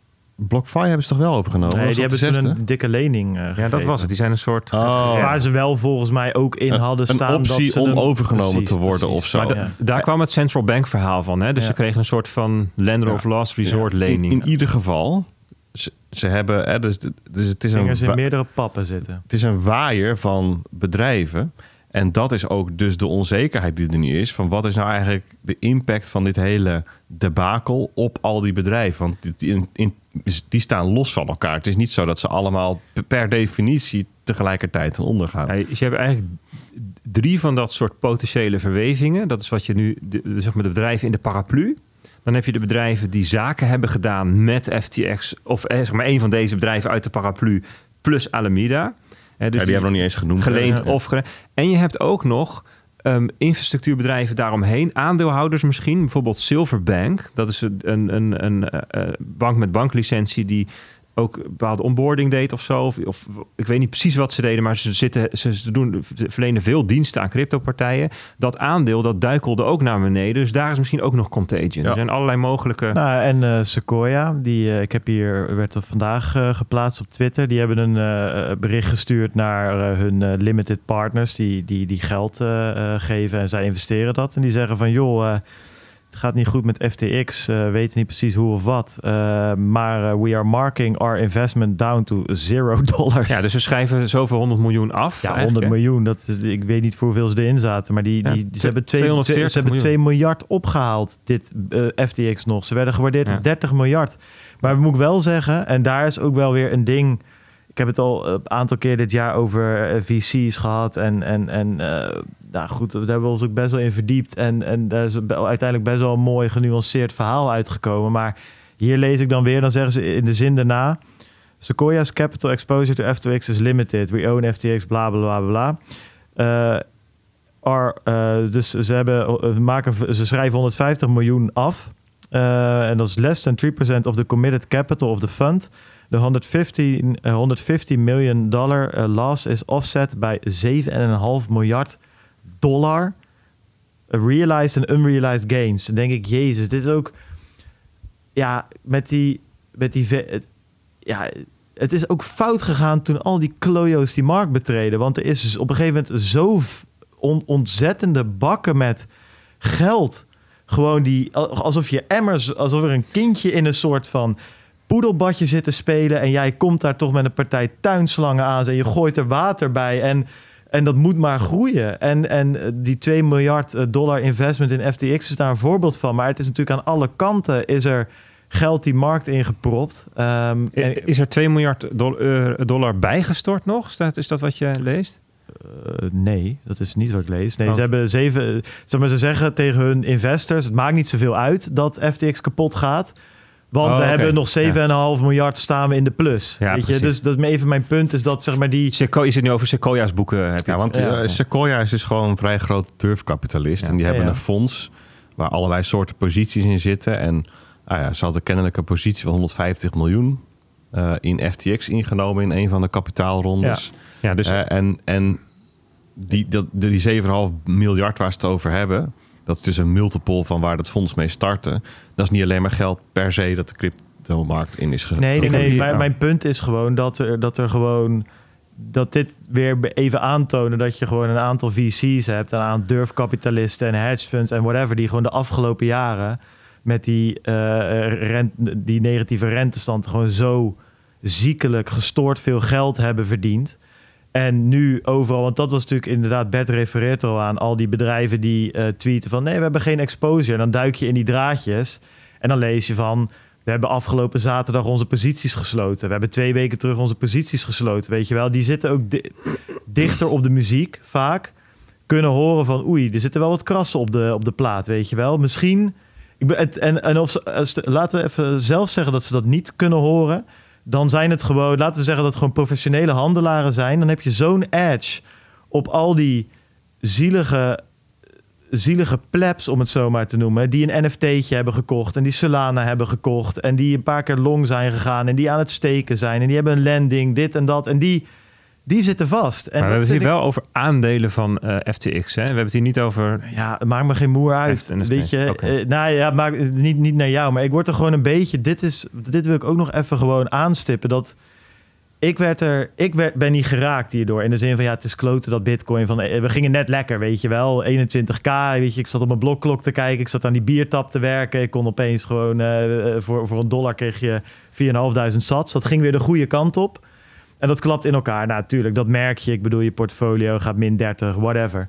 Maar ik heb geen eens een FTX-account. Eh, ik heb geen altcoins. Ik, heb, ik ben niet aan het steken. Ik ben niet aan het lenden. Weet je, ik word hier niet door geraakt. Eh, ik heb nagedacht over hoe ik mijn bitcoin opsla en whatever. Maar mijn punt is gewoon dat dit... We hebben gewoon een jaar achter de rug... waar gewoon... We hebben hier ook wel, eens ook wel eerder discussies over gehad van... Het zijn zulke grote bedrijven en ze hebben zulke afdelingen met slimme mensen. Ze, huren aan alle kanten de economen van de, eh, van, de universiteiten. De slimste developers gaan erheen. En toen hebben we het over gehad van... Gokken de- zijn de- deze bedrijven aan het gokken, ja of nee? Nemen ze te veel risico? En dat, dat was voordat, eh, dat was zelfs voordat Celsius in elkaar klapte en al die andere dingen hebben we toen over gehad. En daar kwamen we toen niet helemaal uit van ja, je, je weet het ook gewoon niet. En nu kijk ik terug en denk ik, god damn, het is gewoon, ik word er wel triest van. Zoiets als dit, zo'n FTX, wat dus blijkbaar gewoon, kijk bij die bij Celsius was het nog van, oké. eh, laten we even zeggen, ik ben een klant van Celsius. Bert is Celsius in dit geval. Ik ga naar jou toe. Bert die zegt, nou ja, eh, geef mij je geld. Ik ga daarmee de markt op. Ik ga het uitlenen. Eh, dat heeft brengt wat risico met zich mee. Want misschien kan diegene die lening niet terugbetalen. Dat, dat is hoe leningen werken. Eh, en Bert die zegt, nou, ik geef je er 6% voor. Ik zeg, nou, dat is prima. Jij leent het voor 8% uit. Ik weet, althans, daar kan je ook nog over... Dat was het probleem met Celsius. Dat ze net deden alsof het een soort van in een kluis lag... terwijl ze uiteindelijk 30 keer long ergens op een of ander DGen-platform zaten. Maar goed, dat- op zich snap ik daarvan... ik geef jou geld en jij gaat het uitlenen. Mhm. Dat, maar hier is het gewoon nog geschifter dan dat het al bij die andere platformen was. Want je, die, je, als klant denk je terecht, ik zet mijn geld daar neer en het staat daar. Ik bedoel, eh, het is niet, het is gewoon, eh, Ja, eh, dit is gewoon fraude. het is misdadig Dat om, klopt. om klantengoeden te gebruiken voor whatever. Want eh, we weten niet wat ze precies gedaan hebben. Maar je kan, je kan geen, je kan geen illiquide gat in je balans hebben van 8 miljard. Als je, je- gewoon een die- handelsplatform bent. ja, Nee, maar dat is het punt. Eh, als je een handelsplatform bent of een custodian, een bewaarplatform, dan moet je namelijk twee dingen doen: handelen faciliteren, bewaren faciliteren. Ja. En dat betekent dat je de assets van je klanten één op één bewaart. Dat is wat anders dan bank. Als je een bank bent, dan weten we dat is wat een bank doet. Die bewaart niet voor de klanten, maar die gaat daarmee beleggen. Dat doet, Ja. dat doet je de Rabobank. Vroeger had je het verschil tussen een kassier, een kasbank en een bankier. En dat is tegenwoordig verschil is niet meer een kassier die bewaarde het voor je, een Ja. bankier die ging er voor je. Ehm, die, die kon dat meerdere keer, eh, fractioneel bankier, kon het uitleggen, rendement. Dus bij banken is het nog veel extremer dan bij Ja. ehm, FTX of welke exchange dan ook. Hè? Eh, d- maar dat weet je, want dat is het hele idee van een bank, dat ze maar een paar procent eh, Ja, ook liquide hebben, vind- ratio's. Daar kun je dingen van vinden. Hè? Nee, maar ik vind dat Maar weet je. Ik laten we dat dat, dat rabbit hole mogen, mogen ze best wel ook wat beter uitleggen. Nee, maar ik ben met je eens. Maar het, Maar dus, nou, ik, maar proving your point, hè, dat als je zegt ik ben een exchange, FTX was een exchange, dan, dan heb je met je poten van je klanten eh, assets af te blijven. En dat ze dat niet hebben gedaan, dat is niet ehm, eh, gestoord, dat is gewoon misdadig. Ja, dat, is gewoon, dat, ja. dat is gewoon iets wat Maar- niet mag. Maar Wat jij, niet, jij begon dat eh, verhaal met, met eh, je gevoel bij VC's. nou ja, maar, kijk, die- ik, die- maar, het, maar het inbrengen van geld door VC's kun je ook van alles vinden. Daar hebben we trouwens best Ja, wel ja, ja. een leuke aflevering over gemaakt over de geschiedenis en zo. Dat is toch wel wat anders dan wat je vervolgens doet met dat geld. Nou, nee, ik- ik- mijn punt is meer dat, en daar hebben we het toen ook over gehad, hoe, hoe staat die VC-wereld ervoor op dit moment? En je ziet het nu dat eh, gratis geld is er niet meer. Ik bedoel, het is opeens die rentes, eh, wat is het, in Amerika zitten we nu rond de 4%, dacht ik inmiddels, met die, met die vierde jumbo-hike van Powell van vorige week. Ehm, je ziet nu gewoon dat opeens Gorilla's gaat kapot, om maar eens wat te noemen. Ik bedoel, ja, Ja. Die, die, die verbranden letterlijk geld. Ja, dat kan niet. Facebook ontslaat 11.000 Precies, mensen. dat, dat kan niet meer. Ja. We hebben nog zo'n andere, al die, al die deelscooters, die geven opeens aan... oh, sorry, ja, we moeten eigenlijk in elke stad, behalve Rotterdam en Amsterdam, stoppen... want het slaat nergens op wat we aan het doen zijn. Dus mijn punt Dat is- hier, dat- ja. dat, dat die VC's gewoon de afgelopen jaren... en andere investeerden en whatever... eh, eh, en het is ook niet waar we toen ook op uitkwamen, is niet per se hun schuld. Ik bedoel, ze hadden gewoon gratis geld. Mijn, mijn punt is dat ze zijn op een gegeven moment die markt, die cryptomarkt binnengekomen. En als ik nu een beetje terugkijk en ik moet er nog verder over nadenken, denk ik dat zeg maar die enorme influx aan eh, durfkapitaal, echt miljarden en miljarden, dat, dat we er, uiteindelijk misschien niet beter van zijn geworden. En dat heeft, eh, is niet allemaal aan hun te, te, te wijten. Dat heeft dus ook te maken dat je dus blijkbaar exchanges zoals FTX hebt, waar dus gewoon een hele incompetente gozer de leiding heeft. Net zoals dat bij Three Arrows Capital het geval was. Net als dat het bij Celsius blijkbaar allemaal helemaal kloten in maar elkaar wat is de. Dus- relatie tussen VC's en dat dat het geval is? Ja, dat ze eh, zonder enige... eh, heb, je, heb je gezien wat Sequoia... Hoe die in meetings met Sam Bankman-Fried zaten. Die, die gozer die zat dus blijkbaar League of Legends te spelen... terwijl die een kapitaalronde aan het doen was. Die vertelde dat hij bananen op de blockchain wilde zetten. Letterlijk. En, en die partners zeggen... Ja, dit is deze gozer, die is zo... Dit is... Dit is Hij dus- wilde dat je bananen kon kopen in FTX. Hè? Dat was, eh, Ja, punt. ja, in dit- FTX moet je alles kunnen kopen. ja, nee, precies. Maar, Maar, eh, maar, maar- dat heb ik al gelezen. Alleen eh, de vraag is of dat zonder die VC's heel anders was ja, afgelopen. tuurlijk, dan was het toch veel ze minder... maakten 50, 50 miljoen dollar per dag winst. Ik bedoel, ze hebben, ze hebben uiteindelijk hebben ze maar, ik heb het hier voor mijn neus namelijk, hun Series B en C. Ze hebben in totaal maar 1,7 miljard opgehaald. Ik bedoel, dat, eh, Maar, Ja, een nee. bedrijf van twee jaar oud. En, eh, drie jaar. Het, het is wel veel. En dat is, maar ze maakten ook al heel veel winst. Hè? En Dus ze hebben toch een 2 miljard ronde gedaan vorig jaar? Ehm, nou ja, eh, de, laatste die ik heb is dit jaar januari 2022. En toen hebben ze 400 miljoen opgehaald. Tegen een 32 miljard eh, valuation. Kijk, kijk waar, ik het En- wel, waar ik het wel mee eens ben, hè, is dat. ehm, kijk, ik zie zo'n. Ik zie al die kapitaalinjecties gewoon als een soort van overdaad aan voedingsstoffen Nou ja, dat. om dat, op te groeien. Ja, En, en daardoor eh, gaat het van het organische weg. Beetje zoals je plofkippen kweekt. Ja. Weet je? Ja. En dat hoeft niet verkeerd uit te pakken per se. Weet je, er kunnen, er kunnen ook ehm, eh, prachtige biologische kippenboerderijen uit ontstaan. Het is maar net hoe, hoe uiteindelijk dingen worden uitgevoerd. Hè? En ehm, ja, en ik ben het wel met je eens dat ook de uitvoering beïnvloed kan worden door de geldschieter. Hè? Dus dat daar bepaalde perverse prikkels in kunnen zitten. Maar dat daardoor dan al dat soort frauduleuze, obscure, bij voorbaat kansloze financiële constructies eh, door zouden moeten worden bedacht. Ja, dat vind ik te ver gaan. Weet je, en dat is nu wel Ja, gewoon nog, dit jaar een keer of zes aan het licht gekomen.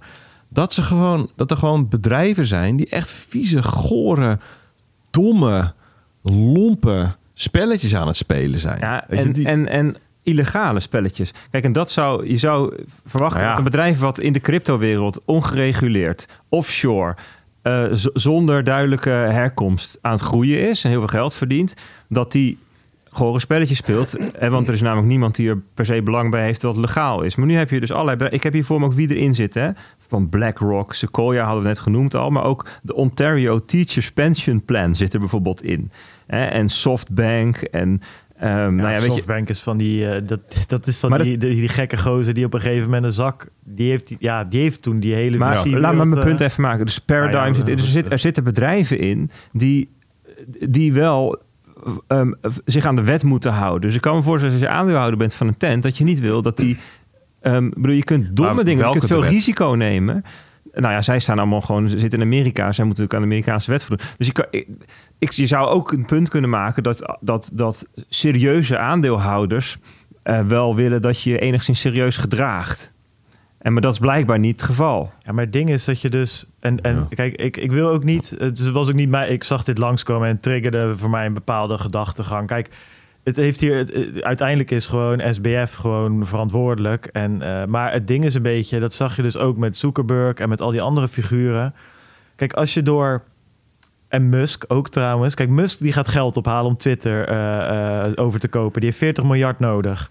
Volgens mij kon hij wel 120 miljard bij elkaar halen. Iedereen wilde hem geld geven. Ja, dan, dan kom je ook op een gegeven moment... Je onderhandelingspositie die wordt zo... eh, die is zo uit balans... dat je alles kan maken. En dat was het voorbeeld van Zuckerberg... dat hij in zijn pyjama naar eh, VC's ging... omdat iedereen wilde investeren in Facebook. Dat hij daar gewoon letterlijk... ja, gewoon zich op een, op een zo'n debiele manier kon gedragen... en ze schoven nog een paar miljard toe... Dat, dat is alleen maar erger geworden. En dat heb je natuurlijk met die gozer van WeWork gehad. Die laatst ook weer gewoon een start-up voor 500 miljoen. Het punt is... Het, Ja, maar dan, dan nog heb, ik- heb ik voor mijzelf in ieder geval onderschat dat er zulke opzichtige, domme constructies ten grondslag lagen aan bijvoorbeeld Alameda en FTX. Ja. Ik bedoel, er, Mhm. waren, er waren wel geruchten over, maar dat je dat dan Ja, dat, dat, zeker. dat je dat echt doet, dat ja, weet je, ja, misschien ben ik daar naïef in geweest, maar het zit wel, weet je, Je, het, je, je roept dit en op jezelf af. Je roept het ehm, op je klanten af. Maar je roept ook gewoon de vijandigheid van eh, de, de samenleving als geheel eigenlijk over, over Ja, je af. Hè? ik- Dus zo'n Alan Silber tweeten. Crypto industry doing a good job showing it needs babysitters and this will just add more headwinds with trying to find a sane middle ground on regulations. Ja, Lessons zeker. never learned, a shame. Charles Kosten van de ECB. Crypto has been a speedrun of teaching libertarians how we got all our banking regulations. want daar hebben de mensen namelijk hetzelfde geprobeerd. Will Panda, why can't we have a Bitcoin ETF? Well, you keep giving them tens of billions of reasons to block it. Ja. Het is, Maar Dat ben ik het dan weer niet mee eens. Dat vind ik een domme take. Maar het is, ja, ik snap dat sentiment in ieder geval wel. En als je dat wil toelichten, moet je het zo meteen maar doen. En maar die, dat deze, dat dit zo gebeurt, ja, ik, daar word ik ja, nee, eens. gefrustreerd Ja, precies. van. Ja. Hè? Dus daar, daar word ik wel een eh, eh, beetje verdrietig van. Ja. Ik vind, het is, dit is zo... Maar het is zo dom dat je denkt Dom. dat dit goed komt. Ja. Je- als je ook maar vier hersencellen hebt, kun je van tevoren uittekenen dat die FTT-constructie misgaat. Hetzelfde geldt voor Luna. Alleen bij Luna eh, wisten we wat er aan de hand was. Dus konden heel veel mensen van tevoren zeggen: dit is een piramidespel, dus het gaat een keer falen. Alleen hier wisten we dit niet. En toen het zichtbaar werd in die balans die uitlekte, iedereen verbond meteen de puntjes met elkaar. Zei: oké, dit gaat dus mis. Want als je FTT-tokens gebruikt als onderpand voor leningen, dan, dan weet je dat er dat is extreem gevoelig voor de neerwaartse spiraal. Want dat is precies zelfs bij Luna. Als je in een neerwaartse spiraal komt, dan worden de FTT-tokens minder waard. Dus ehm, is je onderpand minder waard. Dus gaat iemand zeggen, doe maar ehm, wat, margin, hè, wat, wat extra onderpand bijstorten. Maar ja, dat heb je niet. Dus moet je iets liquideren. Bijvoorbeeld FTT-tokens. Maar dan gaat de prijs omlaag en is je onderpand minder waard. Dus die negatieve spiraal, die ligt zo voor de hand... dat je eigenlijk weet, dit gaat mislukken. Van tevoren. En dan Bij al die constructies die, die, die nu failliete bedrijven gebruikt hebben... was van tevoren echt heel duidelijk... dit is niet goed tegen En ik- krimpbestand. En ik denk, oprecht, ben ervan overtuigd dat al die spelers, van de jongens van Arrows Capital tot en met ehm, eh, eh, Celsius, hè, dus Alex Mashinsky en nu die, nu die guys van eh, FTX, dat ze ervan overtuigd waren, de Bitcoin-koers gaat niet zo laag worden. Want we gaan naar 100.000 en dan komen we misschien nog een keertje terug op 50k. En dat is dan de verbodem van de volgende bearmarkt. En dat, is, dat was ook zo het sentiment in 2021. Jongens, we gaan, we gaan naar um, een supercycle. We gaan nooit meer een bearmarkt krijgen. 100k, 288k. Dit komt allemaal door Plan B. Het is Plan B's schuld. Nee, maar het sentiment was zo: het gaat nooit meer naar beneden. Dus mensen hebben zitten rekenen, die hebben een worst case zitten maken, een zwartste scenario. En in het zwartste scenario komt dit allemaal goed. Dat is denk ik wat er aan de hand was. En dat hebben de jongens van Theo's Capital ook wel gezegd. Ja, we, we hadden niet verwacht dat dat zo laag zou komen. Ik vind het gewoon zo kut, weet je wel. Ik zit er gewoon, wat, precies wat Peet zegt, want het bleef een beetje hangen in die VC's. Maar dat is eigenlijk inderdaad precies het gevoel waar ik nu een soort van twee dagen mee loop. Dat ik denk van, ja, ik, ik zat echt te denken aan gewoon aan die aflevering met die discussie erin. En, en dat is blijkbaar het inderdaad het meest cynische, uh, oogkleppen, um, uh, negatieve scenario van, nou, dat zijn gewoon idioten die aan het gokken zijn bij die bedrijven. Dat dat dus in een aantal van die gevallen, dat dat gewoon, dat, ik kan hier niks anders van maken. Wat is, wat is dit, weet je? Ja. Dat is Ja, gewoon... Dit is, dit is dus de scenario's. Maar het is, het, is- het is natuurlijk nee, maar dit is dus gewoon gokken. Ja, En dit is gokken met 10 miljard. Dit is gokken met, met klantengoeden. En ik vind dat echt...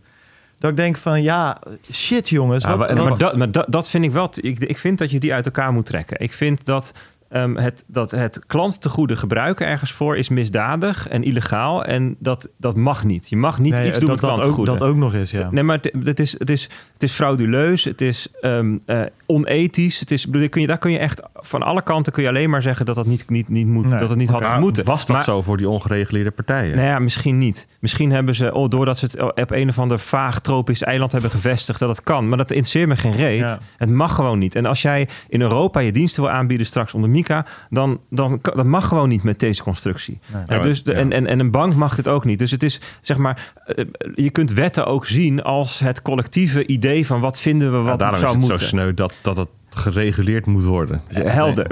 Maar, maar iets anders vind ik het gebruiken van het FTT-token als onderpand. Dat is niet gokken met je klantengoeden. Maar het is wel De- gokken. Het- nee, dat weet ik niet. Het is een het is financiële En constructie. we zeggen net dat je letterlijk... dat iedereen kan zien dat het fout gaat. Dat, het zeer risicovol... Ja, goed, ja, maar jij zegt, jij zegt dat het bewust gokken is. Ik denk dat het ehm, een verkeerde risico-inschatting is geweest. Ja, ik, ja. Denk, ik denk niet dat ze daar met elkaar zaten. Kom, laten we even gewoon gokken. Ik denk dat ze daadwerkelijk hebben zitten rekenen van nou, wat, wat is wel en niet reëel, wat, wat kunnen we wel niet voor elkaar krijgen. Zo, eh, zeg maar, en die discussie, eh, ik ben het ook ergens ook met je eens. En, en, maar ook weer niet, zeg maar. Ik denk gewoon, je zit op een, letterlijk op een money printer. En niet eentje van de ECB of van de Fed. Je zit op een, eh, een legitiem bedrijf. We kunnen het er nog over hebben. Ze zijn natuurlijk groot geworden met die gekke derivatenproducten van ze 100 keer long, 100 keer short, whatever. Maar Mhm. goed, dat, dat mag. eh, eh, op zich. Ik bedoel, dat heb je ook met aandelen en, en whatever. Daar kan je alles van vinden. Maar op zich hadden ze gewoon een legit business. Met eh, de laatste cijfers waren 1 miljoen klanten. Maar ik denk dat dat er een stuk meer waren. eh, want dat was van 2021. Dus ik gok dat daar wel wat bij is gekomen. Dus laten we zeggen, een aantal miljoen klanten. Nou ja, er zijn verschillende eh, berekeningen hebben we langs horen komen. Maar we hebben altijd over eight figures of zo op een dag. Ja. Aan omzet. Weet. Laten we zeggen, er werden gewoon miljoenen verdiend per dag. Tientallen miljoenen kunnen we wel zeggen. Ja. Dan denk ik van, why? Waarom? Zeg maar, hoe, hoe, hoe kan je dan bij elkaar komen en denken van, hmm, het is niet genoeg of zo? En, en Maar dat- ze hadden dat in principe gescheiden. Hè? Dus het hele FTT-verhaal, dat leefde in Alameda Research. En als het zou klappen, ja, is vervelend. Maar dat raakt de klanten van FTX niet. Dus ik denk dat waar het echt ontspoord is... is op het moment dat, dat ehm, er een acuut probleem ontstond. Ja. Ik denk in juni, rondom Celsius. En Misschien wel al in mei bij Luna, dat weet ik niet precies. Zou moeten uitzoeken. Ik heb er verschillende eh, eh, datapunten van gezien langskomen. Maar anyway, dat er ergens een probleem ontstond... en dat ze toen in een soort van ja, misschien toch ehm, tunnelvisie hebben besloten om dat op te lossen, tussen aanhalingstekens, door iets heel doms te doen, namelijk klantengoeden te gaan. Ja, Kijk, dus jij, jij zegt dat ze de, of jij zegt dat in dat scenario zouden er gaten bij Alameda gedicht zijn Ja. met funds van... Ja, dat, is, eh, dat, is, dat vind ik het meest voor de hand liggend. En die, die, die verstrengeling tussen die twee, dat is iets wat ook in de gereguleerde wereld helemaal niet kan en mag. Nee. Eh, en, dat zijn, en daarom vond ik die tweet van die ECB-kerel terecht. Hè, van ja, we leren nu, we, we zien nu precies gebeuren allerlei soorten dingen waarvan we in het, die in het verleden ook zijn misgegaan in, in TradFi. En waar we toen wetgeving voor hebben gemaakt om dat in de toekomst te voorkomen. Bijvoorbeeld Ja. verstrengeling van de zakenbank en de particuliere bank. En ehm, eh, eh, ehm, eh, wat was de andere? Nou ja, ja met, met je klantengoeden gaan gokken en zo. Weet je, dat soort dingen. Ja. Met, met aandelen, ja. Ik denk nog even na over dat ze dat mooi gescheiden hadden, maar dat weet ik nog niet zo goed. En het Alameda, dus ze, FTX heeft een, een kickstart gekregen, ook omdat ze gewoon via Alameda geld hadden om dingen te funden. En dus ehm, daar was misschien al gelijk wel een schuldenrelatie. En die FTT-tokens die Alameda kreeg, dus dat waren dus de dingen van FTX, daar werden ook weer schulden voor aangegaan. Weet je, en je weet dat als dat risky bets zijn en Alameda komt daardoor in, eh, in, het, in het nauw, Mhm. dat ja, wie gaat er dan bijspringen? F, FT, dus het is haast per definitie zijn die dingen daardoor gewoon ja, Verstrengeld. verstrengeld elkaar, ja, ja, geraakt. En van elkaar afhankelijk geworden. Ja, en, en dan komen we even, het, ik met, heel even- als cirkeltje even terug bij waar... wil ik daarna even... Dan gaan we even bellen om even adem te halen. Slokje water en dan... eh, Prima. maar maak een cirkeltje Maar even, rond. even het cirkeltje rond. Want we, want we begonnen natuurlijk met eh welke haakjes zullen we gebruiken. En toen startte ik met, ik wil wel even inzoomen op de personen. Ja, ja, ja. Dat hebben we nog niet gedaan. Eh, want het ging eerst even over wat FTX precies is. FTX, FTX International, US. Mhm. Nou, al die bedrijven hebben overgenomen. Alameda. Ehm, ja, en eh, alleen al de afwikkeling van, van wat er staat te gebeuren. Ja, ga ervan uit dat dat gewoon een proces van maanden, zo niet jaren is. En je ziet, over Celsius heb je nu ook al maanden eigenlijk niet zo heel veel meer gehoord. Met, met soms een, een, een iets wat, wat eh, in de media verschijnt omdat het eh, gepubliceerd is eh, in de context van een rechtszaak. Maar dat, dat, dat gaat lang duren. En we weten dus niet wat voor pus daar nog allemaal zit. Wat, wat, hoe- die boeken van Alameda er echt uitzien. En hoe verracht de boeken van, van FTX precies zijn. Klopt. Hoe het nou echt zit met die Mhm. klantengoeden. Ja. En hoe het zit met de balansen van die bedrijfjes die overgenomen zijn. En want misschien zijn die wel overgenomen om de positie van Alameda te redden. En zijn dat net zo lelijke boeken? We don't know. Weet je, Ja, dus er is heel veel onzekerheid over hoe dit ontrafeld wordt in Ja. de komende Ja. weken, maanden, jaren misschien. Hè? Mount Gox negen jaar geleden. Wat natuurlijk wel scheelt is eh, dat als ze niet overgenomen worden, gaan ze failliet. En dan krijgen we wel een hoop te zien. krijgen wel een hoop te zien, maar dat gaat alsnog heel lang duren Eh, voordat eens, dat eens, maar dan krijgen we het in ieder geval te zien, zeg ja, maar. ja, ja, zeker. Ja. Ja. Nee, ik, ja, ik dacht, ik, mijn, mijn wekkertje Maar- ging net. Ja, dus, laten, we, ehm, laten we gaan bellen en dan zijn we ook weer even het, het helemaal uit de rabbit hole terug naar boven. En Ja. dan kunnen we een andere invalshoek Ja, kiezen. dan eh, zijn er een aantal. ja, pak, pakken we er gewoon een, eh, eh, een ander uit. Lijkt me sowieso goed om te bespreken wat er nou. Ja, gewoon. Het is, ja, is zo, het is zoveel te bespreken. Het is niet normaal. Ik ben hier echt ook een beetje. Merk ik nu. Gewoon een beetje flabbergasted. Als ik het zo allemaal op een rijtje zet. Dat ik denk van. Potverdorie, weet je wel.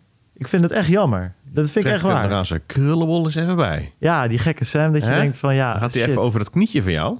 Nou, hij is op de knietjes gegaan voor eh, CZ. Deed me een beetje denken aan eh, Breaking Bad. Weet je wel, dat Heisenberg op een gegeven moment zegt tegen zijn andere drugdealer van... Say my name. dat was echt van... En toen zei thank you CZ, you're the best. Weet je wel, terwijl hij de dag ervoor nog ruzie liep te maken. Maar ja, het was echt... eh Paul, never a dull day in crypto. Anyways, ehm, ja, over verrotte financiële systemen gesproken. Eh, eh, eh, misschien ken je het wel, Het Nieuwe Geld. Leuke podcast. Seizoen 1, vorig jaar natuurlijk. Iedereen kent het, die luistert. Dat is gewoon op BNR. De meeste mensen hebben het geluisterd. Dit seizoen was, of dit jaar, seizoen 2 van Nieuwe Geld. En ik dacht, ja, het is eigenlijk wel leuk om eens even met, eh, met te bellen. Ehm, als ik dit opneem, moet ik dit nog doen? Gaan we daarna, daarna meteen doen, plakken we erin. Merk jij niks van? Ik ben eigenlijk wel benieuwd hoe hij hier naar kijkt. Ik ga hem dat vragen. Want hij is natuurlijk in het normale financiële systeem gedoken... om te kijken van, ja, hoe zit dat? Hoe werkt dat geld? En ik ben toch ook wel benieuwd omdat er ook wel een crypto-invalshoek in het eh, seizoen zat. Voor mij, jij zit in de aflevering van Ja, dit, morgen, dit is de, de, laatste. laatste, aflevering, ja. En, Maar het ehm, ging vorige week al over ehm, de risico's en zo, toch? Ja, ja, ja, precies. Dus Eh, dat, en eh, daar kwam ook crypto in naar voren. Dus ik ben wel benieuwd hoe, die hier, hoe hij hier naar heeft gekeken. Dus dat gaan we vragen. Nog, jullie nog verzoekjes? Eh, Ik denk dat je met deze vraag dat kwartiertje vol krijgt. ja, precies. Dat gaat lukken. Dus deze week bellen we eventjes met... Rijnjan Prakke, podcastmaker Wel, en regisseur. welkom, Ryan, welkom. Ja, ik zei het net al in het voorgesprek even. Welkom op deze hectische dag, hectische week. Ehm, Ja. ja, ik zei het al in de, in, in de aflevering, een beetje in je introductie. eh, het nieuwe geld, eh, dat maak jij. Onder andere, wat je zegt, eh, je hebt eigen podcast bedrijf sinds een jaartje volgens mij. Ja, ja, zo november. ja, in november Ja. daarmee, daarmee begonnen. Maar natuurlijk, ja, ik denk dat de, onze luisteraars je vooral kennen van Het Nieuwe Geld, de podcast. Seizoen 1 natuurlijk was, ja, was, mag ik wel zeggen, echt een enorm groot succes. En seizoen 2 denk ik ook. Althans, ik heb het geluisterd. Ik vond het Eh. net zo goed. Dus ik mag aannemen dat het ook net zo net zo'n succes is. Hoop ik in ieder geval. Ehm, ja, en, en dat is een podcast voor de mensen die het niet weten. Nou, zet hem op je lijstje. Begin met seizoen 1 zou ik zeggen. En ga daarna eh, door naar seizoen Precies. 2. Het is een podcast waar je eigenlijk ons, de luisteraar, meeneemt op, op een zoektocht naar.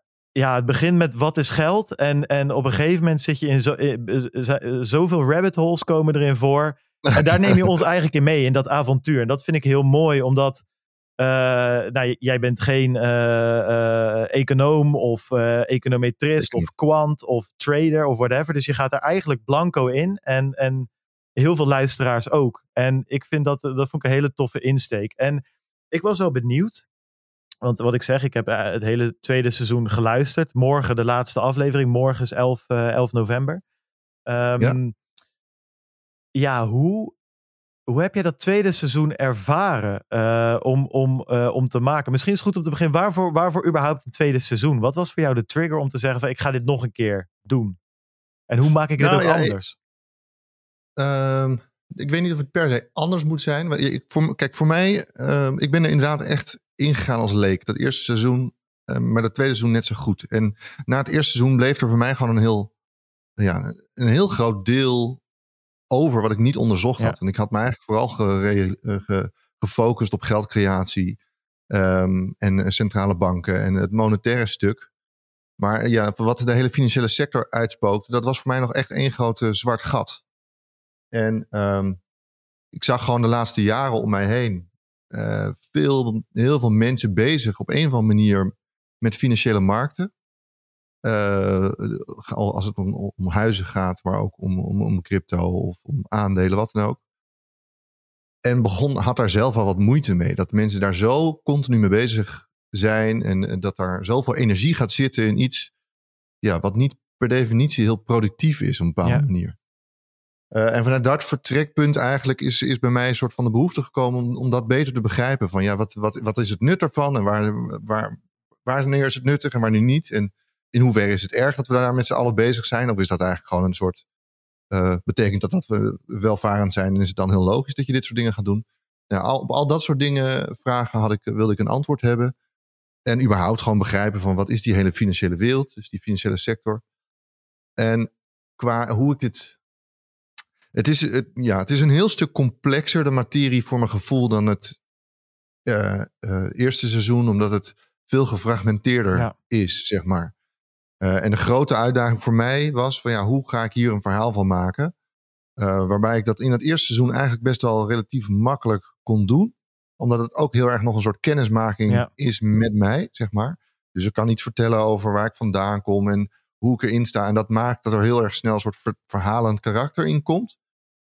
En, en- maar ook dat verloor ik al een beetje gaandeweg het seizoen, het eerste seizoen. Want het werd steeds technischer eigenlijk. Ja. Omdat ja, na een tijdje is, is, ik bedoel, mijn familie is leuk, maar ook weer niet leuk genoeg om daar twee seizoenen mee vol te lullen.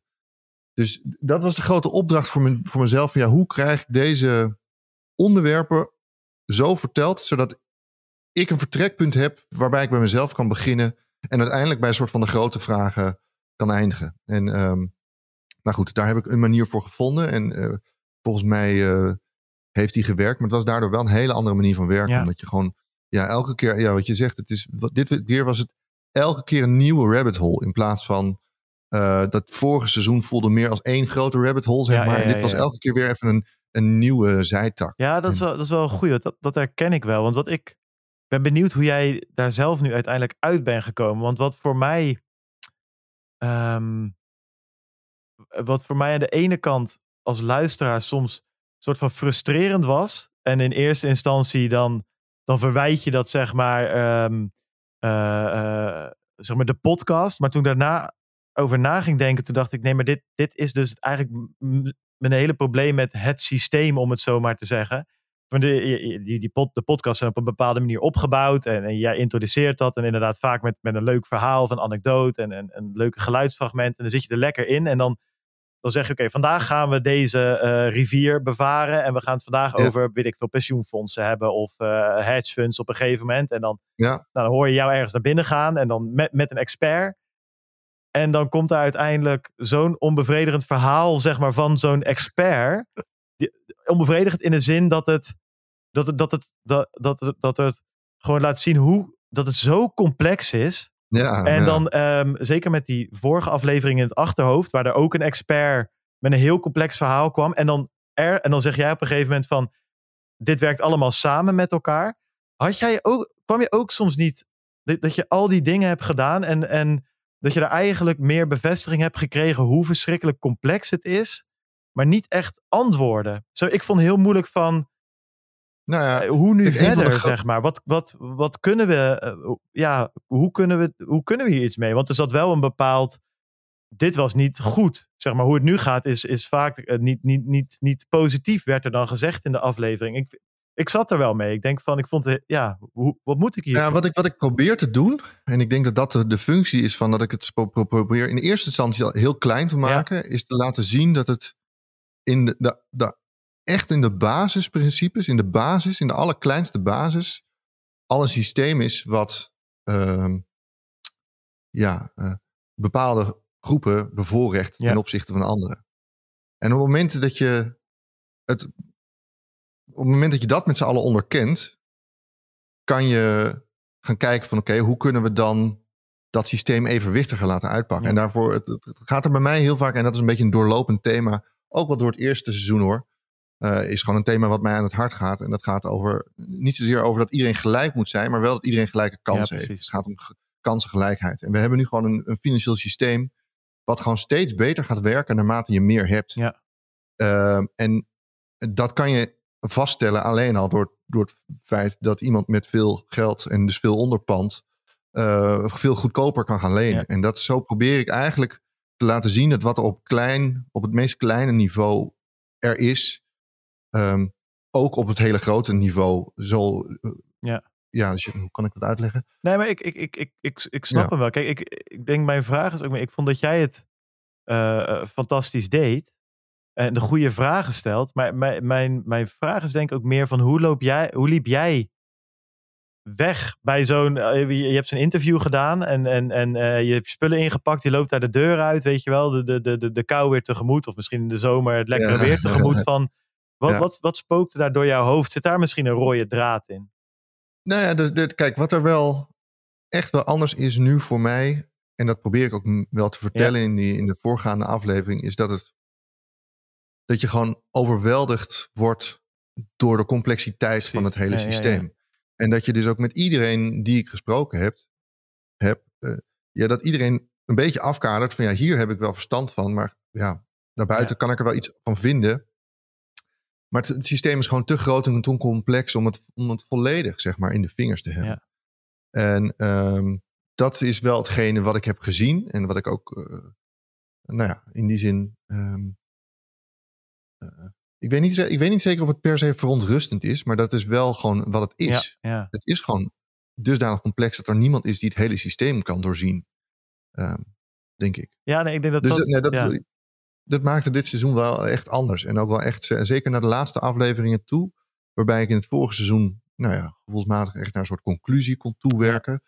ehm, heb ik hier gewoon echt wekenlang zitten stoeien in met mezelf. En ik denk, hoe, hoe kom ik hier uit? Ja. Hoe kan ik hier nou een soort overview van maken? Maar Ja, ik, ik, vond het, ik vond het lastig. En, maar precies omdat je zegt, omdat de, conclusie, ja, eh, ik vind het goed dat je ook aangeeft, het niet per se verontrustend, maar het is wel onbevredigend. Je hoopt zeg maar na tien afleveringen dat er een mooi pakketje klaar staat en dat je het nu, oké, nu snap ik hoe het financie- financiële systeem werkt en je bent tien afleveringen verder en Eh. het is een soort van vastgesteld van shit. Zelfs de experts geven eigenlijk aan dat het niet, voor één persoon niet te begrijpen is. En dat eh, voelt een beetje eng of zo. Dat je denkt van, eh, Ja. dit is zo groot.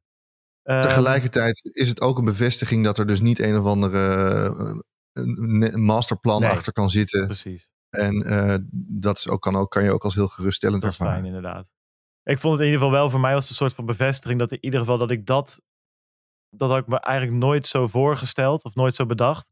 Dat dat misschien een van de dingen is die me nog steeds aantrekt eh, richting Bitcoin. Dat is Ja. wel, dat is zo simpel.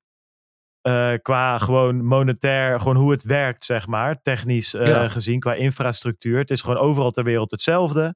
Niemand kan het zomaar veranderen. De regels staan vast. En even buiten beschouwing latende of dat een Ja. ultiem eh, utopisch systeem is dat daadwerkelijk gaat werken. Dat moet de tijd maar uitwijzen.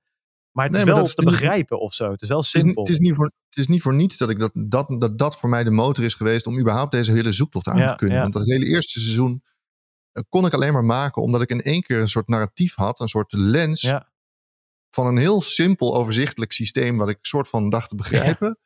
En dacht van oké, maar hoe kan het dan zijn dat het andere systeem Zo dusdanig veel moeilijk is, ja. complexer is en, en toch uit het lood loopt. Ja. En eh, ja, dan kan je in één keer dingen gaan vergelijken. En ik denk dat dat voor heel veel mensen ehm, ehm, enorm goed werkt. Ja. Dat je in één keer een alternatief hebt waardoor je kan vergelijken. ja, Ja. ik ben, ik ben, eh, het is, eh, ik vond het, het, deed wel met, met, mij dit, eh, dit seizoen. Precies, ja, wat ik, wat ik, wat ik zeg. En het zet, het, zet, het zet je echt aan het denken. En het is net als vaak films met een soort van open einde.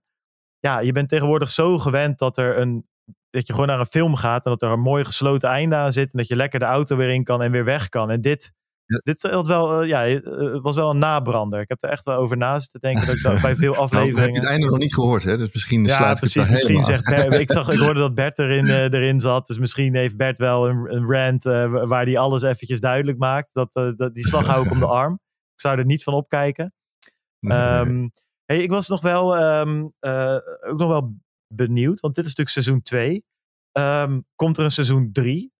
of überhaupt wat? eh, New Narrative natuurlijk is de naam van, eh, Ja, van het, van het ja. podcastproductiebedrijf. Ik ben wel heel benieuwd wat er nog voor andere dingen in de pijplijn zit. Wat, wat is het volgende wat je gaat doen? Nou, ik ga nu eerst even een, een week eh, Ja. helemaal niks doen. ja. Ik, ben echt, ik ben echt moe. ja. Maar ehm, nee, ik ben wel mede door de laatste paar afleveringen, eh, eigenlijk beginnend bij die aflevering over, over, over beleggen en ook de aflevering die daarna eh, gekomen zijn, ben ik wel heel erg gegrepen door het hele idee van decentralisatie. En dan bedoel ik dat nog breder dan alleen decentrale technologie. Mhm. Ehm, maar überhaupt, hoe zou je er dus voor kunnen zorgen dat je een, een systeem creëert waarin eh, ja, eh, welvaart, winsten gelijkmatiger verdeeld worden. Bijvoorbeeld door, door coöperaties of, of DAO's, bij wijze van spreken, waarin je waarin het in, by design, zeg maar, al de winsten die er gemaakt worden in een bedrijf veel gelijkmatiger verdeeld wordt, waardoor er dus geen machtconcentraties plaatsvinden. Want ik denk uiteindelijk dat dat is wat het systeem doet nu, vandaag de dag, is dat het gewoon ervoor zorgt dat macht concentreert. En daardoor krijg je dus ook enorme eh, spelers ehm, die too big to veel zijn en die Ja. ehm, ja, oligopolies die, die gewoon te, te machtig zijn. Dus je wil op een of andere manier wil je daar een tegenmacht tegen creëren. Nou, dat zou je kunnen doen door mi- middels eh, decentrale technologie. Maar er zijn nog heel veel meer mogelijkheden, denk ik, om die, of die machtconcentraties te, door, te, door, de- te doorbreken, of ervoor te zorgen dat ze daadwerkelijk niet ontstaan. Nou, dat is een beetje waar ik nu door gegrepen ben. Mhm. En eh, ik, ik hoop dat ik dat op een of andere manier gestalte kan geven in eh, een podcast. En of dat dan een nieuwe, nieuw seizoen van dit moet zijn Mhm. of iets nieuws. Of dat het toch een, eh, een, een, een filmserie achter iets moet gaan worden.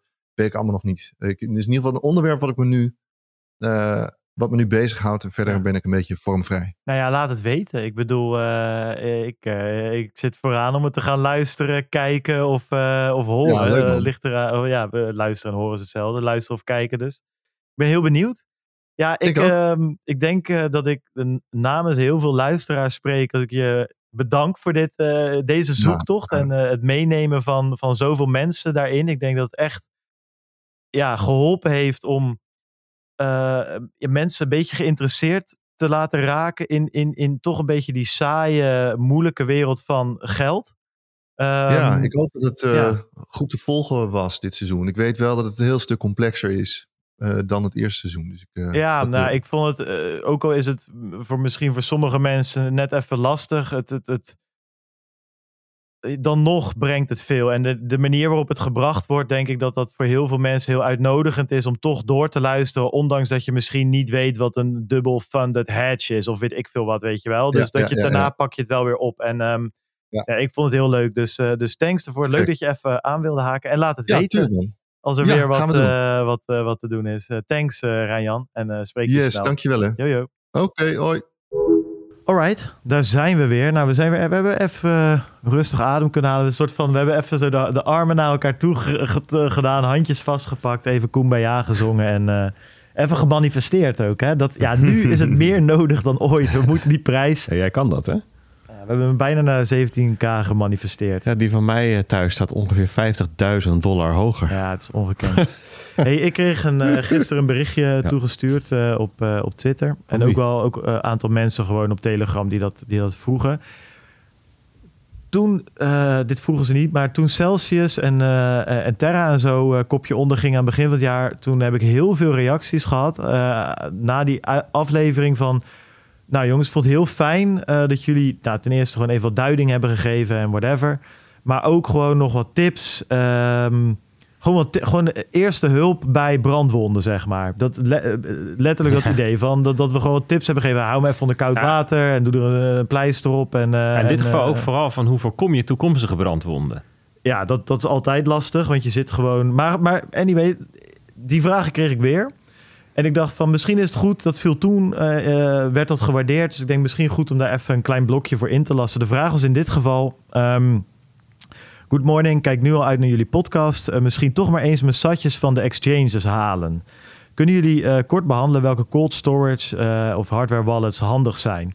En ehm, eigenlijk, ja, de vraag is van me- mensen zijn een beetje wakker geschud, een beetje geschrokken, heel erg geschrokken misschien. En hebben zoiets van, ja shit, eh, als FTX eh, kopje onder kan gaan en Celsius en weet ik het allemaal, eh, moet ik dan daar mijn coins laten staan? En zo nee, wat dan?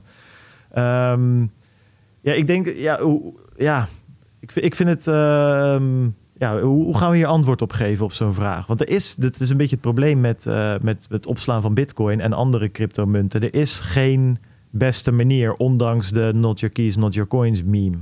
Ja, je- IMO, zeg maar, in my, in my opinion. Ja, ik denk dat het goed is om even... In het algemeen heb je eigenlijk twee manieren om je crypto assets te bewaren. Ja. En dat is het zelf doen. Dus dat betekent dat je zelf de sleutels, je, je private keys of je seed phrase... of Ja. in ieder geval alles wat je nodig hebt om een transactie samen te stellen. Dus dat kunnen ook redeem scripts zijn als je een multisig hebt. Ja, die. Die, die heb je zelf in je wallet. En de alter, het andere is dat je een, ehm, een partij vraagt om dat voor je te doen. Ja. Hè? Dat, een, een, een bank, een bewaardienst, een, een crypto-dienstverlener, een exchange. En in, in beide categorieën hebben voor- en nadelen. Beide categorieën kunnen misgaan, maar om heel verschillende redenen. Hè. Daarom hebben wij zelf wel eens een keertje in Alpha geschreven. Zeiden van, nou ja, als je heel veel vermogen hebt, zeker in een tijd waarin de technologie nog zich snel ontwikkelt en je daadwerkelijk onomkeerbare foutjes kunt maken, ehm, is er wat voor te zeggen om eh, te zorgen dat je niet al je assets in één keer kwijt kunt raken door één gebeurtenis. Ja. En dan dus te zeggen van, nou ja, ehm, de- je kan dan zeggen, nou dan neem ik twee hardware wallets. Hè, die, dan, dan, dan, als er eentje stuk gaat, heb ik die andere nog. Maar er kunnen allerlei manieren zijn waarop dat toch in één keer mis kan gaan.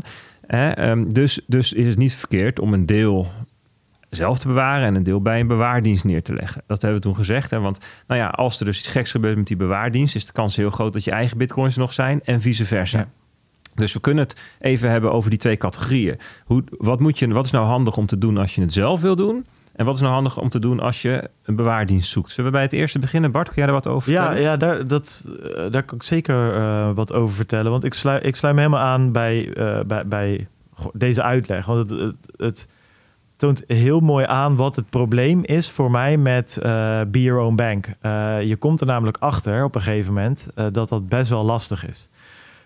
Je moet kennis hebben. Op een gegeven moment moet je moet, bijna, je moet eigenlijk bijna cryptograaf worden. Beginner Ja, cryptograaf. en ik, ik vind het ook belangrijk om erbij te vermelden dat dit ehm, ehm, technische redenen heeft, technologische redenen heeft. En dat betekent dat het dus ook in de technologie voor een deel opgelost kan worden. Hè? Dus de, de, de redenen waarvan jij, jij gaat zo meteen wat Ja. vertellen over waar je misschien hè, waar je allemaal aan moet denken, wat allemaal mis kan gaan. Een deel daarvan kunnen we ook in tooling en, en Ja. eh, de manier waarop bijvoorbeeld, hè, we hebben het wel eens gehad over Bitcoin vaults. Hè, dat zijn transacties die zo zijn ontworpen dat je eventueel nog dingen terug kunt halen als ze gestolen worden of als je iets Ja. misdoet of wat dan ook. Je kunt allerlei multisig oplossingen Mint bedenken. hebben we het een paar keer over gehad. Dus dus, dus ehm, het is ook een kwestie van hoe het nu is. Dus de stand van de technologie is, is nu zo. De volwassenheid is nog op zo'n Ja. niveau. Dat, dat, er Eens. dus, dat Be Your Own Bank een hele, een hele klus is. Ja, eens. Maar dat zal natuurlijk altijd blijven. Omdat je... je en misschien technisch worden wel... Wordt, ben ik met je eens. eh, wordt dat makkelijker. Maar de uiteindelijke verantwoordelijkheid ligt gewoon alleen bij jezelf. Mhm. Dus er is niemand om naar te kijken als het fout gaat, behalve naar jezelf. En Zeker. dat gecombineerd met... Maar het de- aantal manieren waarop je het fout dat, kan dat, doen. Dat gecombineerd met de onomkeerbaarheid van eh, blockchain-transacties... maakt het gewoon best wel een eh, gevaarlijk goedje wat je aan het brouwen bent. Eh, want als het fout gaat, dan is het gewoon weg. En dan, dan wat ik zeg, er is niemand om naar te kijken behalve jezelf. En ehm, eh, het probleem daarbij is, en Boris heeft het ooit een keer gezegd bij de Bitcoin Show. In, toen ik het luisterde, dacht ik, wat zeg jij nou? En toen dacht ik er later over na. Toen dacht ik, ja, er zit wel wat in. Hij had een hekel aan hardware wallets, omdat ze een schijnveiligheid bieden. En daar ben ik het niet mee eens in de zin van dat ik denk dat hardware wallets nog steeds de beste manier zijn om zelf je, eh, je keys te bewaren of je coins te bewaren, om het even makkelijk te zeggen. Maar wat hij zei is dat die worden zo vermarkt, eh, in de markt gezet. De marketing eromheen is zo dat mensen denken dat ze klaar zijn. Dus je koopt een hardware wallet, je volgt dat, je schrijft je seed op een blaadje, die gooi je in een kast en het staat veilig. En dat is niet waar, want je seed ligt in een kast. Zeg maar, het is, dat is een beetje, op het moment dat je daarachter komt, dan, dan stopt die rabbit hole niet meer. Dit is letterlijk een on- oneindige rabbit hole. Ik, heb, ik doe eh, een groot gedeelte self-custody. Dat stopt niet. Ik zit nog steeds dat ik denk van hmm, dit zou beter kunnen, dat zou beter kunnen, weet je wel. En ehm, waar ik uiteindelijk op uitkwam zijn diensten als Casa, eh, waar je dus ehm, eh, een multisig oplossing hebt, waar zij eigenlijk de rol innemen van het in de gaten houden van de markt. En dan vooral de technologische ontwikkelingen rondom multisig, rondom eh, bitcoin, encryptie, rondom forks, rondom whatever mijn eh, manier van bitcoin opslaan kan veranderen. Dus ik, hoef, ik hou de markt zelf in de gaten, maar ik weet bijvoorbeeld dat Jameson Lop, die is daar voor mij CTO, die weet er nog veel meer van. Die snapt het nog een stuk beter. Dat is toch fijn dat hij over de schouder meekijkt, om het zo maar te zeggen. Ehm, maar zij hebben maar één sleutel. eh, de backup key. En je hebt er twee nodig om een transactie te doen. Dus zij kunnen nooit in een eentje wat met mijn funds. En ik vind dat op zich een. Dat is wel een. een, een, een, een, een eigenlijk is dat ook optiona, een, een combinatie van beide. Ik zou het nog wel self-custody noemen. Maar wel met een, met een custodian tintje eraan, inderdaad. Eh, zij zijn geen bewaarpartij. Omdat ze dus letten... Ja, zij kunnen niet in een eentje een transactie ondertekenen. Maar het is wel een failsafe, inderdaad. En daar voel ik me wel fijn bij. Want ik eh, vind een eh, single sig hardware wallet... Weet ik niet. Heb jij Casa dan voor je eigen... Ja, ik ga er niet verder niet te veel op in. Maar Casa is inderdaad, eh, dat, dat gebruik ik, ja. Ja, voor een gedeelte. Ehm, en eh, daar ben ik, ben ik heel tevreden mee. Dat is, dat, is, eh, dat, dat, dat, het is gewoon fijn om te weten dat er een partij is met ke- kennis en kunde die meekijkt. En, jij hebt ze gevet, zeg maar. Dus jij hebt, er, je hebt je erin verdiept van nou, deze, deze... Ja, ja. en de- ja, kijk, je blijft natuurlijk een partij vertrouwen. Maar in dit geval, zij kunnen niks. Kijk, als zij failliet gaan, dan heb ik zelf twee keys. En dan eh, transfer ik alles naar, naar een andere wallet. En dan ben ik klaar met Casa. En dat is natuurlijk het grote verschil met een custodian of met een exchange. Zoals je nu met FTX ziet. Eh, je moet van hun software gebruik maken om je, eh, je, je, je, je, je bitcoin weg te halen. Of je andere tokens. En als zij de withdrawals dichtzetten, dan is er niks wat je kan doen. Maar misschien Bert, als jij, als jij kan vertellen wat, Want er zijn natuurlijk ook gewoon voordelen aan, eh, aan custodians. Ik ben wel benieuwd. We hebben nu dat e- eerste stuk gehad. Not your keys, not your coins. Zelf vasthouden. Nou, het voordeel is dat je altijd, wat er ook gebeurt, bij je, bij je bitcoin kan. Het nadeel is dat je dat helemaal in je eentje, helemaal zelf moet regelen. En er is niemand die je helpt. Dat, dat is even de, de, de, de, de twee afwegingen wat mij betreft. Ja, en, ehm, eh, en als je zegt van ik vind dat leuk om me daar verder in te verdiepen van hoe kan ik dan mijn private keys of mijn seed veilig opslaan. Je kan bijvoorbeeld even in de Telegram groep komen. Er zijn Ja. allemaal mensen die vinden dat leuk om met je over te kletsen. Er zijn natuurlijk allemaal hele hobbymatige manieren van mensen die dat in eh, ringen bijtelen. Tot en met dat er ook wel eh, producten voor zijn in de markt. En je kunt dingen in een kluis leggen, kunt dingen met de notaris doen. Je kunt eh, eh, een wachtwoordkluizen gebruiken. En zo zijn allemaal manieren, maar daar kun je dan verder in verdiepen. Eh jij wil nog wat zeggen voordat ik naar de custodians Nou ja, ik, ik zit nog, oh, ik zit nog even te, te kauwen dan op, ehm, op, op die verantwoordelijkheid die je hebt. Dat ik het gevoel heb dat veel, heel veel mensen die niet echt goed geleerd hebben om, ja, hoe noemen we dat? Een soort van eh, goede online hygiëne te Ja, hebben ja, of zo.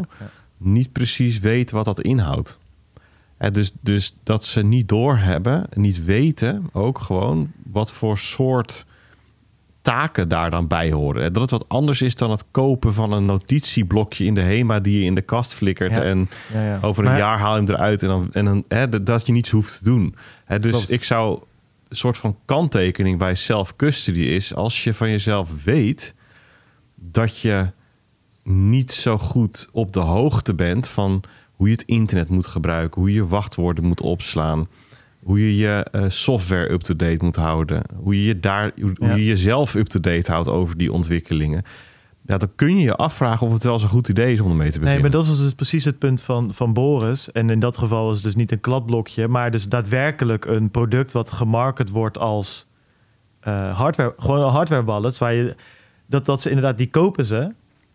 En daarmee is het klaar. Ja, maar dat is het. Dat, daarmee Nee. is het precies jouw punt. Het is niet klaar. Het begint daar dus pas. En, en dat is. Ik zou alsnog. eh, Kijk ernaar. Ik bedoel, ik zou niet zeggen doe het niet of zo, of doe het bij voorbaat niet. Maar weet wel dat het daarmee eigenlijk pas eh, begint. En het hangt natuurlijk ook allemaal ervan af van hoeveel crypto je hebt en hoe, hoe, hoe, hoe belangrijk het is dus dat niet voor niets is. be your En- own bank. Weet je, Ja. dat, dat is niet. Dat is dus een activiteit. Ja. Dat is Ja, we zijn, dat, we zijn het ja. een beetje afgeleerd natuurlijk ook. Hè? Kijk, vroeger, dan moet je denken aan 40 jaar geleden... toen we nog niet echt elektronisch bankieren heel erg hadden... toen waren mensen veel meer gewend dat als ze rijk werden... dat ze dat geld of het goud of de stapels bankbiljetten... en een sieraden op een veilige manier moesten bewaren. Had je een kluis in huis bijvoorbeeld. Hè? En ehm, dat kreeg je ook mee in de, weet je, weet je, met je opvoeding. Van nou ja, weet je, we hebben, we hebben vermogen in de familie. Dat ligt in de kluis of het ligt in de kluis bij de bank. In de bankkluis en misschien nog een kluis in Zwitserland. Ja. En zo eh, realiseerden mensen zich, als iemand dat goud meeneemt, ja, dan is het ook weg. Dan kun je niet een klantenservice bellen, mag ik mijn goud terug? En dat is natuurlijk precies hetzelfde. Dat is ook een, een fysiek object, aantoonder, een aandeel aantoonder heeft ook dezelfde eigenschappen. Het ligt dan in een kluis. Dan moet, moet je veilig bewaren. Want als iemand het aandeel jat, nou, dan heeft hij Ja, het gewoon. ja, ja. Weet je wel? En dat zijn we nu een beetje kwijt. Het is allemaal van ja, ja geld en als er iets misgaat, bel je toch de bank en dan fixen ze het wel. Hè? Maar dat is, we gaan dus eigenlijk weer eh, terug. We gaan eigenlijk weer terug naar iets wat we duizenden jaren hadden, namelijk iets fysieks wat waarde vertegenwoordigt. Alleen dat fysiek is dan bitcoin. Ja, is raar. Hè? Maar, in de digitale wereld. alleen dan in een digitale wereld. En dat, eh, eh, zodat dat, eh, precies, dus dat is interessant. Hè? Dus je kunt hetzelfde soort iets doen als we toen deden. Namelijk zeggen van nou, ik ga dat over verschillende plekken verspreiden. Dat kan, hè? Dat is met de Shamir Secret eh, ehm, Sharing Scheme heet het geloof ik. Daarmee kun je je private key een aantal stukken opknippen. Een stukje daar, een stukje daar, een stukje daar leggen. En als je dan drie van de vier stukken hebt, kun je je key weer eh, eh, reconstrueren. Ja, dus, eh, dus ik geloof dat de, de Winklevoss twins wel eens hebben verteld... dat ze zo'n soort strategie hebben gebruikt... en dat dan ook op vier werelddelen een stukje van een key hadden neergelegd. Maar ze, goed, zij hadden het natuurlijk ook over vele miljarden. En dan heb je natuurlijk ook weer andere maatregelen die je treft... Als het om, dan als het om 10.000 of 1000 euro gaat... Ehm, en zeker als het om tientjeswerk gaat, ja, weet je, je portemonnee, die leg je ook niet per se in een kluis met wat contant geld erin. Dus zo kun je verschillende ehm, Ja. eh, eh, niveaus van maatregelen treffen. Maar ja, ik ben het er helemaal mee eens. Hè. Dus je moet het zien als een, een, een, een activiteit, een kunst. Zoals je leert met bestek eten, leer je ook hoe je je, je, je assets weer moet bewaren. Ja, dat is iets nieuws. En als je zegt, hier heb ik helemaal geen zin in. Dat mag, we leven in een vrij land, redelijk, tenminste nog aardig. Ja, dat gaat dus, dan, het gaat dus over meer dan bewaren. Het gaat ook over het gebruiken van je assets. En het gaat dus... Het, dus de complexiteit zit hem ook in... Je, je steekt zo'n hardware wallet ergens in. Is die hardware veilig? Is die software up-to-date? Waar ben je? Zit je in een internetcafé? Ben je thuis? Hoe is een beetje internetverbinding? En zo zijn er... Er zijn Het idee is natuurlijk Allerlei- dat je daar niet druk meer om hoeft te maken. ja, hoeft. Hè? Possibly. Kijkt er iemand mee met je? Ja. I don't know. Weet je, die, ja, die- is ook, is ook Zeker. Is de software die je gebruikt, de originele, heb je dat gecheckt? Weet je hoe je dat moet checken? En zo zijn Ja. er, er, zijn al, er is een heel gelaagdheid aan, aan eh, dingen waar je tegenaan kunt lopen. Nou, wa- waardoor het niet zo is dat je het niet moet doen. Je moet je alleen wel bewust van zijn Ja. hè, dat je dat dus niet onbezonnen doet. ja. Hè, want de, misschien dus niet op dezelfde manier doet als je geld gewoon maar ergens anders neerzet. Dat doen heel veel mensen ook onbezonnen. Wat een gedoe. Hè? En Ja. dan kan je dus ook zeggen van nou, dan doe ik het maar niet. Maar ja, weet je, ehm, ik denk dat op twee manieren dit ehm, beter wordt. Enerzijds omdat we de technologie beter ontwikkelen waarmee dit ondersteund wordt. Zodat we beter ondersteund worden om op een verstandige manier je digitale eigendommen zelf te bewaren. En ten tweede, ehm, omdat het belangrijker wordt. Want we hebben het nu over, ja, weet je, als je iets met crypto doet, als je een crypto-gekkie bent, dan moet je je hierin verdiepen. En de rest van de mensen hoeft dat niet. Maar ik denk, het zou mij niet verbazen als we in de toekomst eh, steeds meer bezittingen ehm, op de blockchain, wil ik zeggen, komen. Dat klinkt tegenwoordig zo ontzettend fout. Maar wat ik daarmee bedoel is dat, ehm, of je nou Web 3 noemt of Web eh, 5. eh, Web 5 of whatever. Maar in ieder geval dat we, eh, ja, precies, dat, dat we, dat we ehm, niet alleen maar Bitcoin, maar ook stablecoins en eh, financiële diensten, eh, dus aanspraken, aandelen, getokeniseerde aandelen, whatever, eh, allerlei soorten digitale waardevolle dingen in eigen beheer Identiteitsgegevens, diploma's, ehm, certificaten, noem het maar op.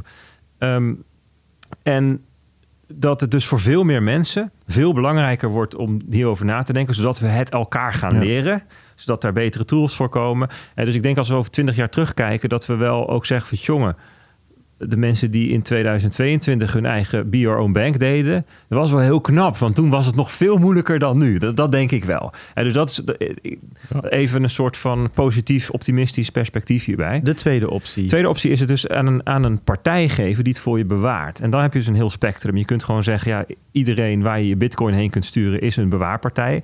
Eh, maar ehm, Klopt ook, denk in ik. zekere zin is het zo. Hè? Maar je hebt ook ehm, partijen die zijn, die, die hebben dat als dienst. Wij bewaren jouw crypto. Dat noem je dan ook wel een custodian. Ehm, eh, of- die, bieden dan een, een, een, crypto of een bitcoin kluis aan. En ehm, die beloven dan ook daar niks anders mee te doen. Dus full reserve te zijn.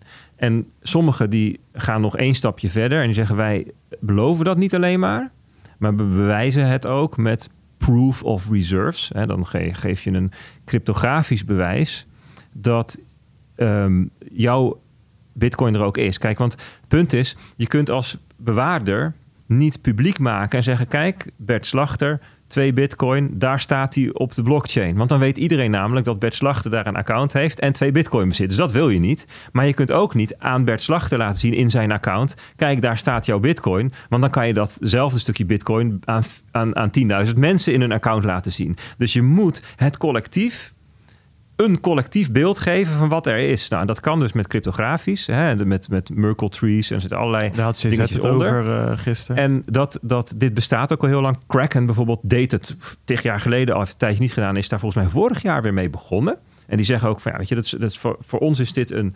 ongelooflijk belangrijk punt. Wij kloten niet met klant eh, assets en dat willen we ook bewijzen. Nou, heel grappig genoeg, Proof of Reserves, eh, is nu een heel lijstje bedrijven gekomen die heeft gezegd, wij gaan dit ook doen. Binance bijvoorbeeld, ook OKX, OKX, OKX, Hmm. Qcoin, Huobi, Poloniex, Crypto.com zelfs. Nou, wij zaten in de auto, Peter en ik vanmorgen. Zeiden, wie zal de volgende zijn die opvalt? Nou, dus Peter noemde, nou, Crypto.com vind ik wel een eh, suspect. Want dat is wel een eh, bedrijf, nou ja, eh, die ook smerige dingen heeft gedaan. Die hebben de, die ICO van Monaco zijn ze uit voortgekomen. Ja, Maar goed, zij zeggen dit te, te gaan doen. Dus dit is ook wel een soort van moment voor de crypto-industrie dat ze zeggen: ja, shit, dit, is, dit kan echt niet zo. En, en Brian Armstrong van Coinbase, natuurlijk ook groot, heeft ook al gezegd. ehm, dat wij, wij doen dit nooit. Ik weet niet, misschien komen ze ook om het proof reserves.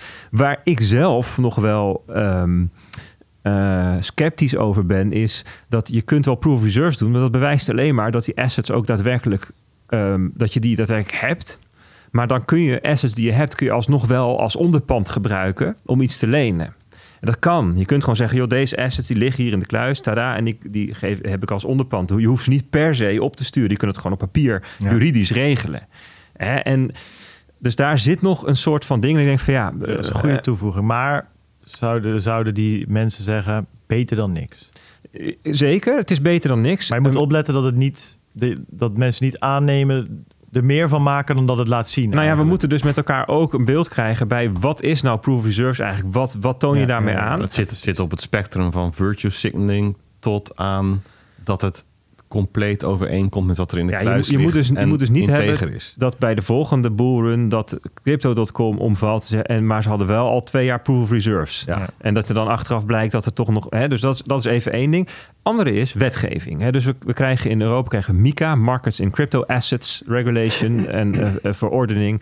En ehm, daarin zijn dingen geregeld voor crypto-dienstverleners. Die mogen niet zomaar iets met hun klant assets doen. En dus als je custodian bent, met bewaardienst, dan moet je dat de assets in een aparte, afgescheiden eh, ehm, eh, entiteit hebben, die die, net zoals bij aandelen, heb je een bewaarstichting of zo, en die bewaart de klantassets.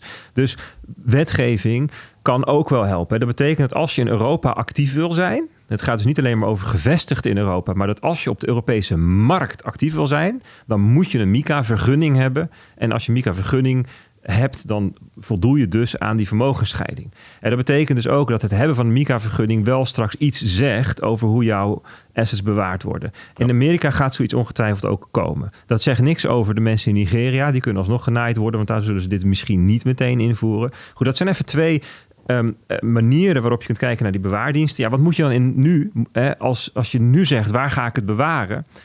Ja, zo'n partij als Kraken, die heeft wel vanuit allerlei perspectieven een, een betere reputatie. En doen ook proof of reserves dan, laten we zeggen, crypto.com. Dus er is een schaal te bedenken van reputabelheid van partijen. En dat geldt ook voor partijen in Nederland. Er zijn partijen die, die echt ehm, eh, zich erop doen voorstaan dat ze, dat ze het bewaren. En je betaalt ook voor het bewaren. Hè. Dus bijvoorbeeld bij, bij, eh, bij Amdax zo, Bitcoin Suisse. Hè, dus een Zwitserse custodian. Die positioneert zich ook echt als bewaardienst. Full reserve bewaardienst. Ja, dat zijn dan wel dingen waar je op kunt letten. Maar dat is, het punt is, je hebt dus geen garantie. Nee. Dat is heel belangrijk om dat te realiseren. Maar je kunt wel...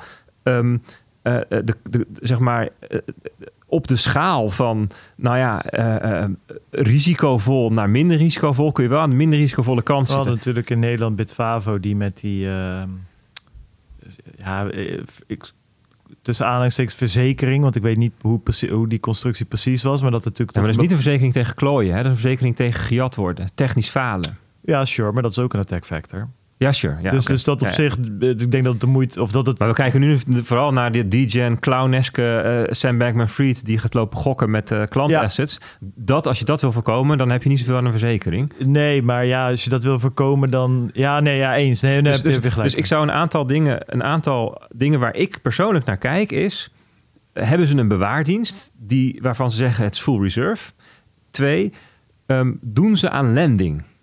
Want als, als ze in hun dienstverlening ook eh, je, je geld gaan uitlenen, hè, ja, dat is wel iets waarop het bij anderen is misgegaan. Hè? Dus dat is, dat is dat ook kan je ding. vaak ook zelf aanvinken. Als dat zo is, dan is het, maakt het al een verschil. Maar als ze dat gewoon doen, dat je krijgt rendement Ja. of zo, weet je, dan... Wat ik weet, want we, hebben, ik bedoel, we hebben sponsoren die lendingdiensten aanbieden, stakingdiensten aanbieden. Ik, ja, voor zover ik weet, is dat, is dat niet, of is dat in ieder geval een vrij duidelijke vink die je aan moet zetten. Voor mij mag dat ook niet zomaar. Maar goed, het is even wat mijn boerenverstand hoor, die dat zegt. Nee, dat, nee het, het- mag ook niet als je onder Mika bijvoorbeeld. Maar nu, nu Ja. kun je natuurlijk eigenlijk nog wel weer meer maken dan... Dus maar goed, dat zijn, dat zijn dan Maar dingen waar je op ik vind ehm, het- ehm, het ontvangen van, van venture capital vind ik eh, ook een signaal.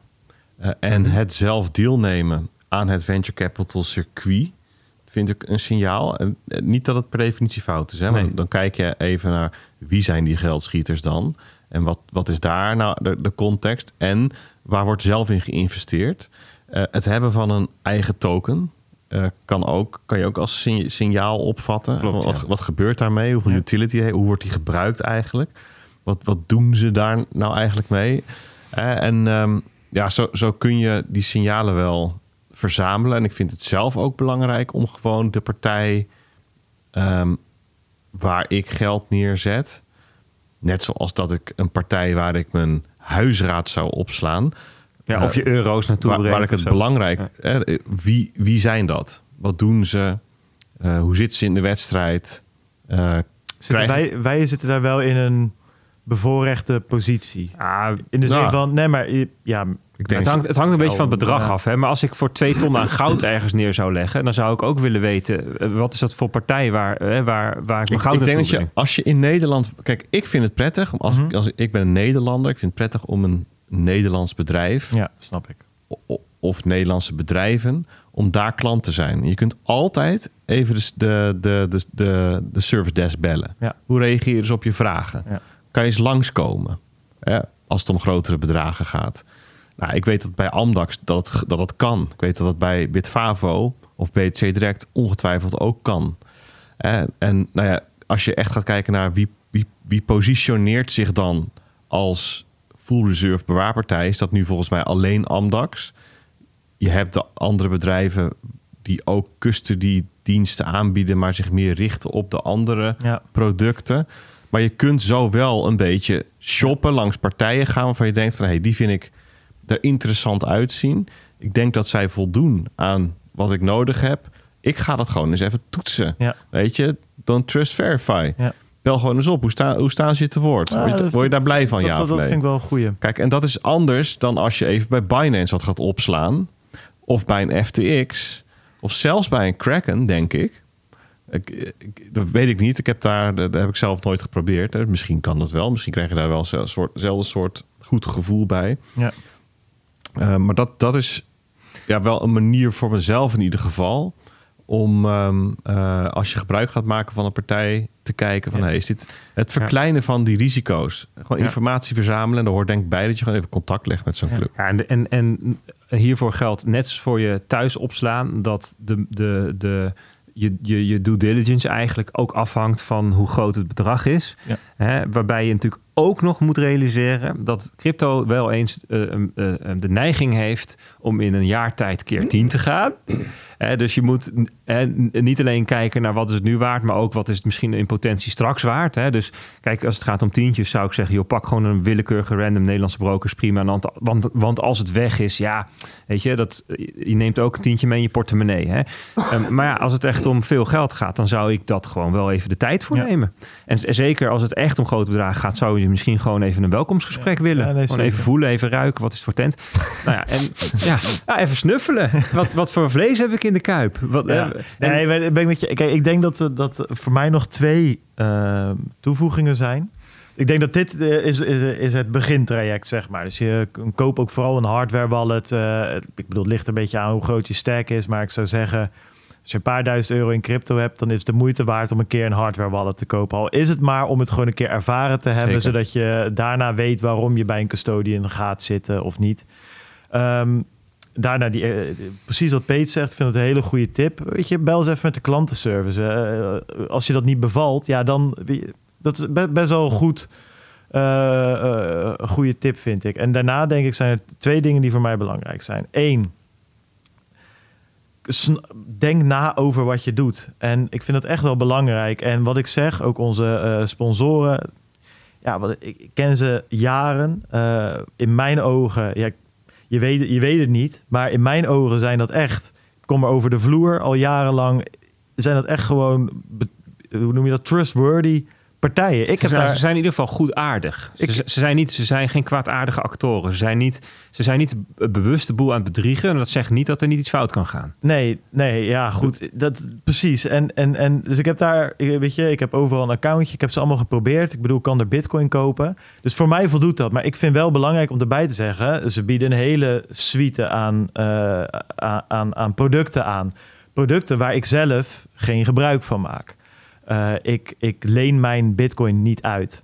Eh, ik, nou, ik zit eigenlijk alleen maar in bitcoin, dus steken eh, doe ik niet. Want steken met bitcoin ja, kan niet in mijn ogen. Dus ik weet niet wat er dan precies wel gebeurt. Maar dat, er komt ergens rente vandaan.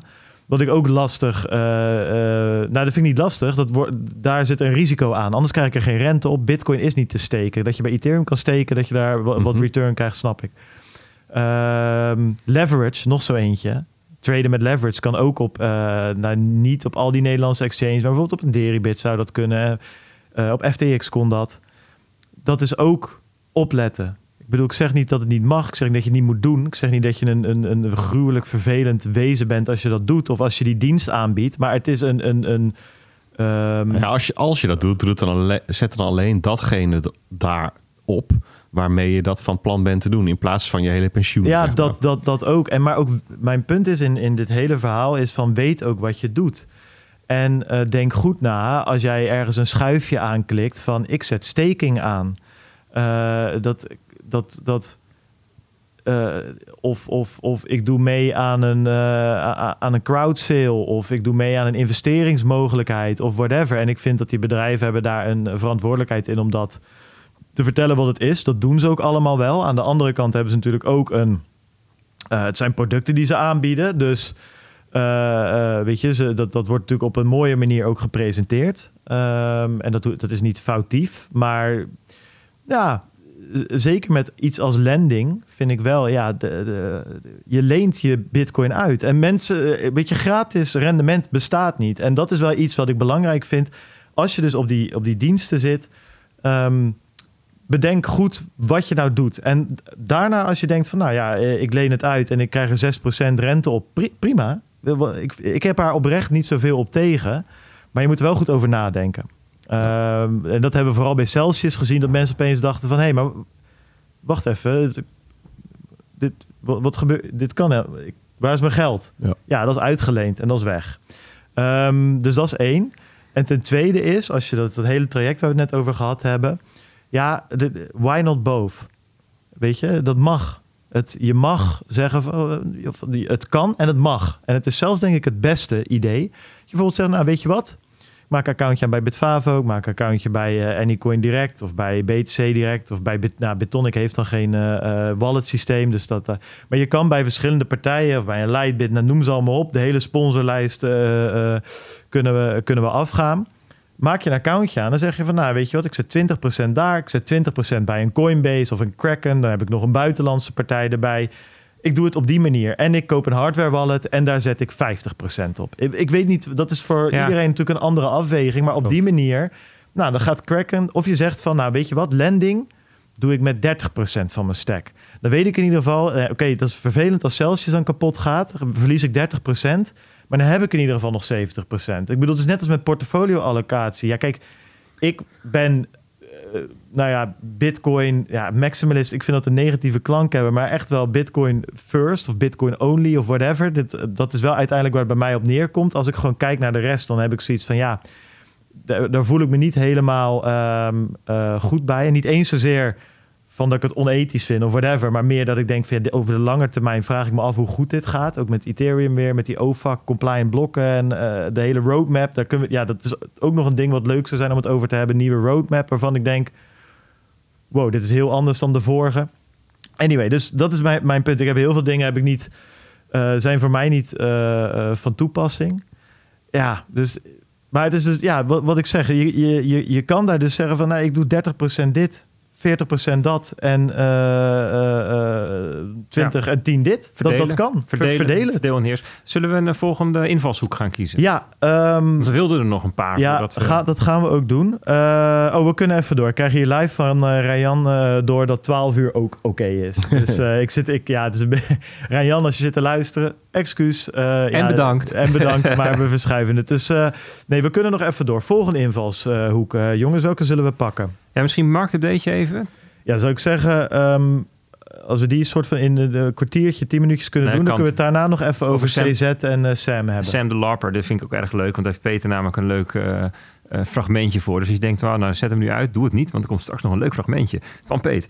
Maar um, marktupdate, Sam ja, want het is eh, van Sam en Peet. Die zijn Ehm, ook het eten geweest. Ja, joh, die kennen elkaar al sinds de kleuterschool. Ja, iedereen Dus, wil met eh, mij het eten. Het verschil is alleen dat Peet wel volwassen is geworden en Sam niet. Die is nog steeds een kleuter. Maar ehm marktupdate, ja, wat is er gebeurd? Want dat is denk ik wel, ehm, het is wel een, een, ja, een moment wat je over jaren nog in de kaart ziet of in de grafiek ziet, zeg maar. dus we hebben natuurlijk een tijdje... Is het top 10, top 5 of top 3? Gewoon crypto, mo- crypto moments ever. Ja, top 3, denk ik wel. Nou, ever, oh, poeh, ever is wel lang hoor. Ah, Ehm, nee. Ja.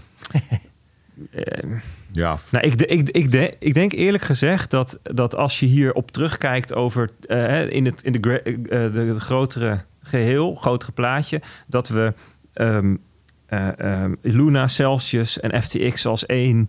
ehm, het jaar, zeg maar. Ja, ja, de, de zomer, of in ieder geval, het is natuurlijk in een, in, een, in een half jaar, in zes maanden, deze drie dingen. Ze hebben, ook, ze hebben ook allemaal wel gelijkenissen. Het heeft allemaal te maken met te grote risico's, met hefbomen, met verwevenheid, met ehm, eh, eh, onethisch gedrag, met grootheidswaanzin, hubris, ehm, te, te, te dicht bij de zon gevlogen en op aarde gepleurd. Weet je? Het zijn heel veel overeenkomsten, omdat je de bak indraait, verzin het maar, mensen op de vlucht. Dus Ik denk samen met de Dow en Mount Gox dat je echt wel top 3 dan, komt. dan kom je op top drie. deze staat Ja. voor mij wel met stip op één. Ja, in mijn, ca- maar mijn carrière, wat ik meegemaakt Ja. heb ook. Ja, Ja, maar Ja. voor mij ook wel, maar dat is misschien ook recency bias. Dus ik wil dat over. dat, is, een- dat is waar. We gaan naar, we gaan naar, kom naar Tivoli, dan gaan we het Dan hoor hebben. het nog een keer. En China, dat die mining ban vond ik ook Nee, het heeft voor mij vooral te maken met het, met het feit dat wat er nu gebeurt is onderdeel van het ethos waar Bitcoin tegen ageert. Ja.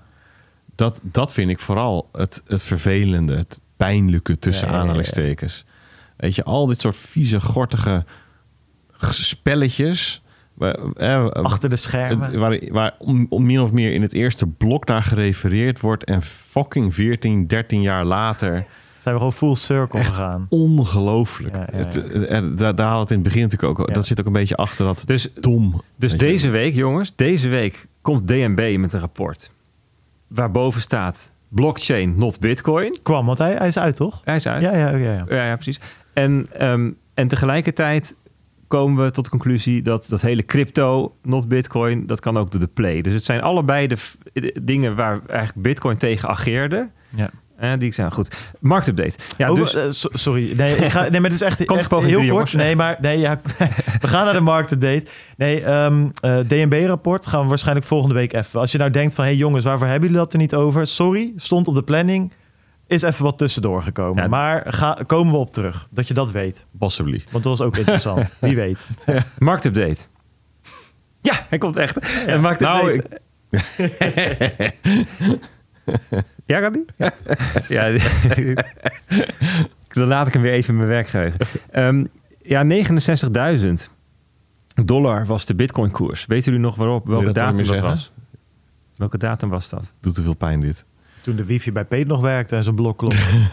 Het was op ehm, Ja. Een dinsdag, jaar geleden toch, precies? dinsdag 9 november Ja. 2021.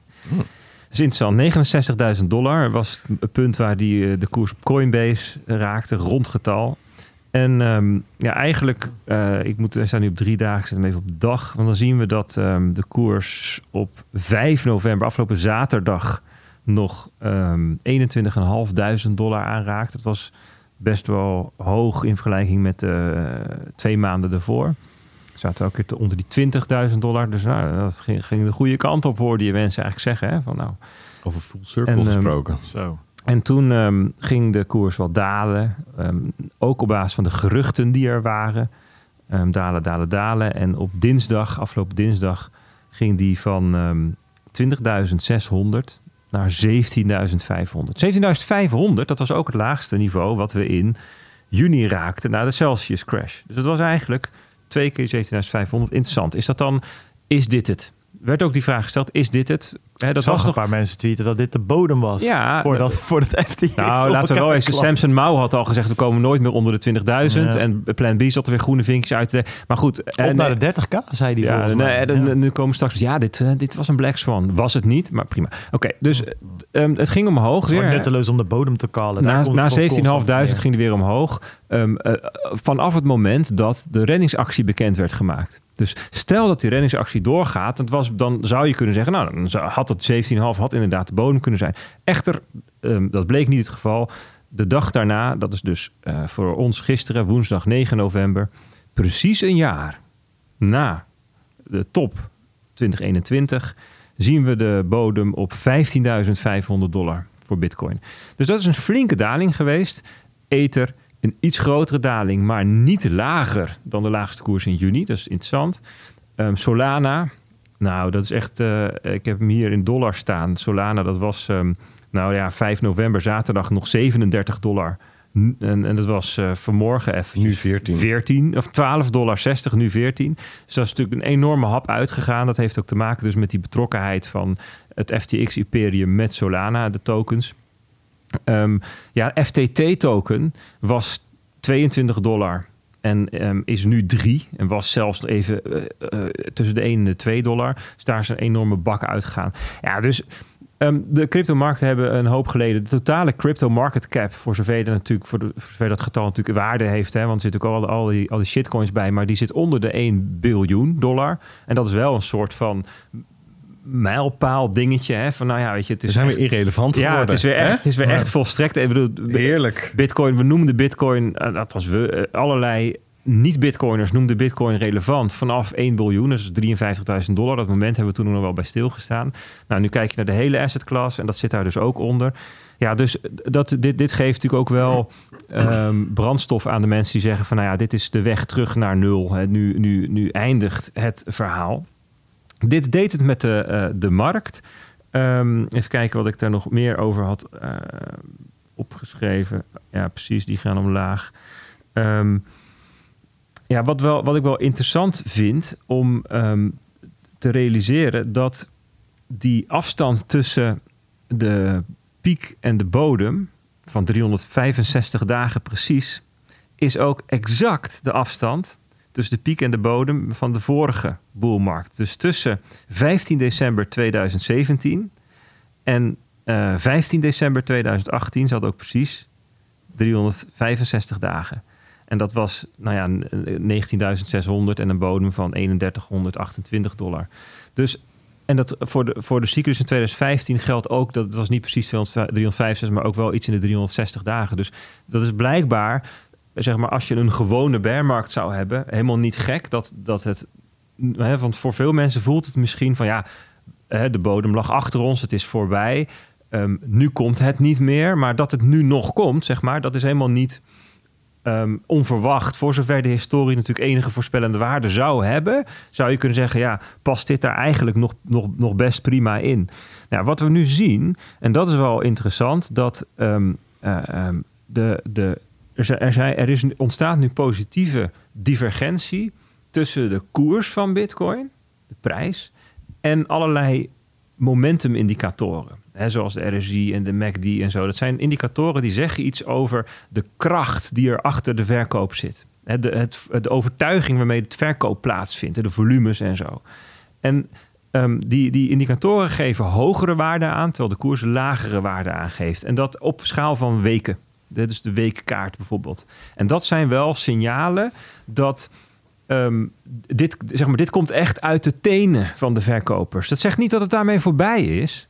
Maar dat, dat kan wel een indicatie zijn dat dit wel in de latere fase van, zo, van bodemvorming zit. Dat ook op de schaal van weken. Dus dat, dat, als je naar de weekkaart kijkt, dan zie je een periode van jaren voor je neus. Dan kijk je dan kijk naar jaren aan tijd. En dat noemen we dan de schaal van weken. Ehm, op die schaal ehm, eh, ehm, verwacht je dat er ook wel weer een keer een, een, wat stijging komt. En dat betekent dan ook weer niet meteen dat je meteen in een boelmarkt zit. Maar het betekent wel dat, ehm, dat je een periode hebt, een langere periode, waarin de, de, de, de, de, zeg maar de, de rook en de mist kan optrekken. En we kunnen zien hoe het uitspeelt en wat er dan precies allemaal gaat gebeuren. Dus dat is interessant, vind ik. Als je technisch gaat kijken, dan zou er een falling wedge kunnen ontstaan. Dat is ook een patroon, eigenlijk wat dit, uh, wat ik nu beschrijf, um, uh, visualiseert. Um, hè, en nou ja, um, wat ook nog kan, is dat je nog veel dieper gaat. Hè? Want uiteindelijk zijn het wel de funda fundamentele zaken die zorgen voor de koers. Want de koers is het gevolg van vraag en aanbod. Hè? En als er geen vraag is en wel veel aanbod, omdat ehm, niemand nu wil kopen, maar wel heel veel mensen willen verkopen, dan daalt die koers gewoon. Maakt geen reet uit wat voor lijntjes je op die kaart trekt. Hè? Maar, maar dus, dus als er hele lelijke dingen gebeuren, fundamenteel, dat er nog allerlei bedrijven blijken om te vallen. Of allerlei bedrijven, we net even die miners, in de squeeze komen en moeten verkopen, gedwongen verkopen. En, ehm, we spraken een tijdje terug met iemand die zei: Ja, ik heb heel veel Amerikaanse kennissen die hebben geleend tegen hun bitcoin. Dat is daar een ding, omdat je dan geen capital gains tax betaalt. En dus dan leen je tegen je bitcoin. Ja, en die hebben allemaal ja, 13, 14, 15, 16.000 rond die, dat soort bedragen. Ja, dat ze in de knel komen. Nou, stel dat dat gaat gebeuren en zo, en dat, dat speelt allemaal uit. Dan kan het best nog zijn dat we naar de 10.000 dollar gaan. En ik zie ook wel mensen dat roepen, zeggen van joh, jongens, ehm, eh, dat is wel eh, een, een te verwachten ehm, richting Arthur Hayes bijvoorbeeld. Dat is niet de eerste, de beste. Hè? Dat CEO van, of ja, ik niet meer CEO, de oprichter in ieder geval van BitMEX. Ja, ik wou net zeggen, je kan ook wel de reden erbij vertellen waarom die geen CEO meer is omdat hij van zijn bed gelicht is door uh, de inlichtingendienst op een gegeven of door de Fed of door weet ik het. Ja, niet. dat, dat, naar huis dat zou kunnen, maar niettemin vind ik dat hij hele sterke analyses schrijft. 100 Ja. ik, ik vind zijn Ja, dus- stukken ook omdat hij geen blad voor de mond neemt en gewoon maar schrijft wat, wat, wat hij vindt, vind ik mooi. Maar Ik beoordeel hem nu eventjes op zijn analyse en zijn onderbouwing daarvan. En hij zegt van nou ja, ehm, ik denk dat het, het is helemaal niet, niet gek dat de bodem nu zou liggen tussen de 10 en de 15.000 dollar voor bitcoin, tussen de 750 en de 1000 voor ether. Ehm, op basis van ehm, eh, de patronen die hij ziet van, eh, eh, in, in, in de markt, maar ook wat hij weet van wat hij dan noemt crypto OG's, die zeggen van nou op dat soort eh, momenten ga ik weer kopen. Dus dat zijn analyse. Nou, dat is ook maar weer één van de verschillende stemmen. Maar dat, dat, zou, dat zou dus heel goed kunnen. Dat als dingen verder escaleren en dat er nog verder dingen boven komen. Nou, we hebben het al uitgebreid gehad over de losse eindjes die er nog zijn. Dingen die nog niet zichtbaar zijn. Dan zou dat kunnen. Dus dit is niet het moment Hè, om, eh, dat is eigenlijk nooit het moment hoor, maar om met hele hoge leverage een positie in te nemen. Hè, want dan word je waarschijnlijk gewoon weer uitgestopt. Er is gewoon nu wat turbulentie en volatiliteit. eh, nog over Hayes, om dat even eh, dat cirkeltje rond te maken. Die eh, eh, in februari 2022 heeft hij samen met een paar andere co-founders pleaded, pleaded, pleaded guilty? Pleaded guilty. Anyway, hij heeft gezegd dat hij, dat hij het gedaan heeft, Dat hij eh, schuldig is. Eh, to willfully failing to establish, implement and maintaining an AML program at BitMEX. En hij zit nu 2,5 jaar, eh, heeft hij huisarrest. Dus dan weet u dat. Oh, het is plat guilty. Plet guilty, ja. ja, ja. Dus ehm, ja, de, de, het, het, het ziet er gewoon ehm, voor nu ehm, pijnlijk uit. Dit is gewoon ja, de, de, de, de, de, de fase waarin mensen de hoop verliezen. Ja. Hè? En ehm, Ja, en gewoon Eh, dat zwaard van Damocles wat er nog hangt van in die rookwolk waar ooit het hoofdkantoor van FTX stond. Moeten we nou nog maar kijken eh, of dat allemaal ingestort is of dat er nog... Ik bedoel, wat Welke we kant die opvalt en welke Precies. gebouw die erbij raakt. Exact, exact. Dus als je naar een, ehm, een logaritmische sch- schaal kijkt, en daar op een logaritmische schaal, daar zijn niet de absolute dollargetallen even Mhm. groot, hè, duizend, duizend, duizend, maar daar zijn verdubbelingen en halveringen even groot. Hè, dus je hebt het dan over verhoudingen. Ja, daar is de, de daling ehm, de afgelopen twee, drie dagen, nou laten we zeggen vanaf zaterdag, grofweg even groot geweest. Orde grootte als de daling ehm, van Celsius en Ja. Luna. Het Celsius was ietsje steviger nog, maar het, het, het verschilt niet veel. En dat betekent dus ook dat niet per se heel veel lager hoeft. Het zou best kunnen ook ehm, hè, dat, dat je het ook alweer grofweg gehad hebt. Dus ehm, er zijn verschillende perspectieven op mogelijk. Ja, ja, Ik, ja. ik wil zeggen, het is niet een gegeven ehm, dat het dus nog per se heel veel lager gaat. Het is ook niet een gegeven dat we het nu gezien hebben. Die onzekerheid is er nu eenmaal. Maar dat is denk ik even de feitelijkheid van, eh, van de cryptomarkt. En dan hebben we natuurlijk ook nog de macro-economische omstandigheden. Waar het allemaal ehm, om, omheen eh, eh, zit. Hè. Vandaag is CPI Day. Ehm, dus het bekendmaken van de Amerikaanse Hoe inflatiecijfers. laat is dat? Weet ik niet precies. Vanavond denk ik. Of vanmiddag om drie uur. Dus ze doen het Ja. vaak- voor beurs. Hè? Ja, Ja. En dan komt de persconferentie erachteraan? Nee, Of die komt dat er niet. Nee, dat is de FOMC nee. Het is, het is meestal... ehm, inderdaad middag. het, het- ze doen het meestal voorafgaand aan de openen van de beurzen.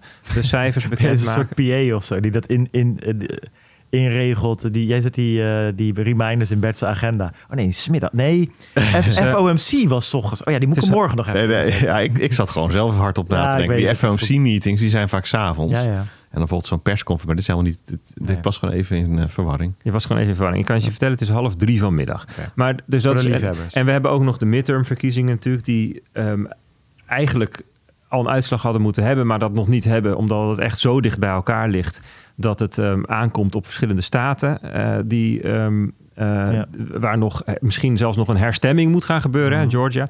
Dus ook de, zeg maar de, die onzekerheid blijft er nog even. Want, want ja, weet je, met die verkiezingen is het normaal zo dat als de Republikeinen winnen, die, hebben, die zijn doorgaans voor een wat str- strenger beleid, kleinere overheid, minder overheidsuitgaven, minder schulden, minder tekorten, weet je wel. En dat betekent normaal gesproken dat dat eh, slecht is voor de beurs, hè, want eh, voor de economie, weet je, het wordt minder gestimuleerd. Ehm, en bij de Democraten, van, nou, dan kan het niet op. Huppakee, de, de, de bomen kunnen helemaal wel. Daar een steunpakket, daar een investeringspakket, daar een zus, weet je wel. Alleen nu is het... Eigenlijk moet je nu naar het tweede orde effect kijken. Dus als de Democraten winnen, dan betekent dat waarschijnlijk dat de inflatie langer hoog is. Omdat ze de, de economie te veel stimuleren terwijl er geremd wordt. Waardoor de Fed langer een remmend beleid moet voeren. Waardoor het langer duurt voordat de markten weer kunnen stijgen. Dus gek genoeg zou nu een winst van de Republikeinen wel eens gunstig kunnen zijn. Voor wat de markt verwacht. Ja, dus dat is, dat, laat ik zo zeggen. portfolio. We moeten ook even, we moeten nog even zien natuurlijk hoe het uitpakt. Maar, de, maar laat, laat in ieder geval zo zeggen dat handelaars en, en vermogensbeheerders wel kijken naar Mm. die uitslag van die verkiezingen. Wat daar Ja, gebeurt. Dus dat is nog eentje. Nou ja, dat, is- dat is wel de, de, de, de, de, de, de, de wind die er waait, waar we, die, die ook nog invloed kan hebben. Hè. Dus als de dollar weer gaat stijgen, doordat bijvoorbeeld de CPI straks heel hoog is, en dan, ehm, ja, dan zou het kunnen zijn dat het wel even, terwijl de bitcoin toch al onder druk staat, nog weer extra windvlaagje is. En dus dat speelt natuurlijk ook nog mee. Ja, ik Dus, zie gewoon eh, weinig positieve, behalve mijn biertap, eigenlijk weinig Ja. positieve bitcoin slash crypto verhalen op dit moment. Het Nee, is dat nou klopt. Niet, en, en ook terecht, want Dit- ze zijn dit- er gewoon even niet. Het is al, de, de, het, is al het punt in de cyclus, de, zeg maar de economische, de macro-economische cyclus, waarop alle Ja. risk assets het zwaar hebben en Ja. dus ook bitcoin. En dat, is, dat, dat valt dus logischerwijs ook samen Ja. met een bearmarkt voor bitcoin. En in die bearmarkt gebeuren dus ook dingen die niks met de macro-economische context te maken hebben, maar intrinsiek aan bitcoin zijn. Zoals dingen, issues bij miners, zoals partijen die omvallen. En dat, dat komt dan allemaal bij elkaar. Dus in een situatie waarin het toch al ja, het consumentenvertrouwen is laag. en Zo, weet je, mensen zijn toch al redelijk pessimistisch. Er, er is tegenwind van buiten. En dan binnen gebeuren ook nog dit soort dingen. Ja, dat is even. Ja, we zitten Ja. daar gewoon wel echt, zeg maar, in de, de, de, die diepste put nu die, die er is. Ja, precies. En ik denk als wij met z'n drieën eens even gaan speculeren van wat zouden nou zwarte zwanen zijn die de prijs kunnen drukken. Ja, kunnen we wel wat verzinnen. Weer hier een of andere eh, eh, gekke COVID-mutatie of zo. Dat we weer, weer half dicht moeten. Of nou goed, we kunnen, we kunnen zo ja, van alles verzinnen. Of, of China die, die, die opeens besluit ook oorlog te aan gaan voeren. ja. Of weet ik veel. Of Rusland die opeens toch weer eh, overwinningen boekt. nou, dit, zijn dus eigenlijk, dit zijn dus al grijze zwanen, omdat je Nee. ze namelijk al bedenkt. Maar het Maar, probleem, ja. mijn, mijn punt wat ik, wat ik wil, ja, je hebt, je hebt, je hebt gelijk. Ik bedoel, een, een Dat is- zwarte zwaan kan je niet bedenken omdat, omdat het een zwarte zwaan. Nou, anyway, mijn punt is dat je, eh, ik kan heel moeilijk nu bedenken van wat is eh, tegenovergestelde, wat heel erg zeg maar crypto zou stimuleren. Ik bedoel, ja, eh, een bedrijf dat het koopt, ja, dat zit dan misschien een beetje op die range, of maar dat daar houdt, het, het is gewoon niet zoveel op dit moment. Maar goed, Nee, dus misschien je- je moeten we dat moet- ook een beetje bewaren Nee. voor volgende week, want we moeten ook nog even over CZ en eh, ik ga niet Rijn-Jan nog een keer bellen om te zeggen dat, dat hij nog een half uur moet Heb je hem wachten. gebeld net? Nee, eh sms, Oh, maar whatever, contact. knap gevonden. Ehm, dus ik, ja, rond hem af zou ik zeggen. Dan Ja, kunnen we nog maar even dan gaan, laten we verder gaan. Ja, dat, is goed. Ja, we ronden hem af. We Ja. gaan naar ehm, Sam de Larper, toch? Sam de Larper. Nou ja, ja, ja ehm, eh, waar gaan we dat? We gaan het, ja, want CZ versus Sa- Sam, dat is weer een ander thema. Hè? Dat gaat over de relatie tussen, tussen Binance en FTX.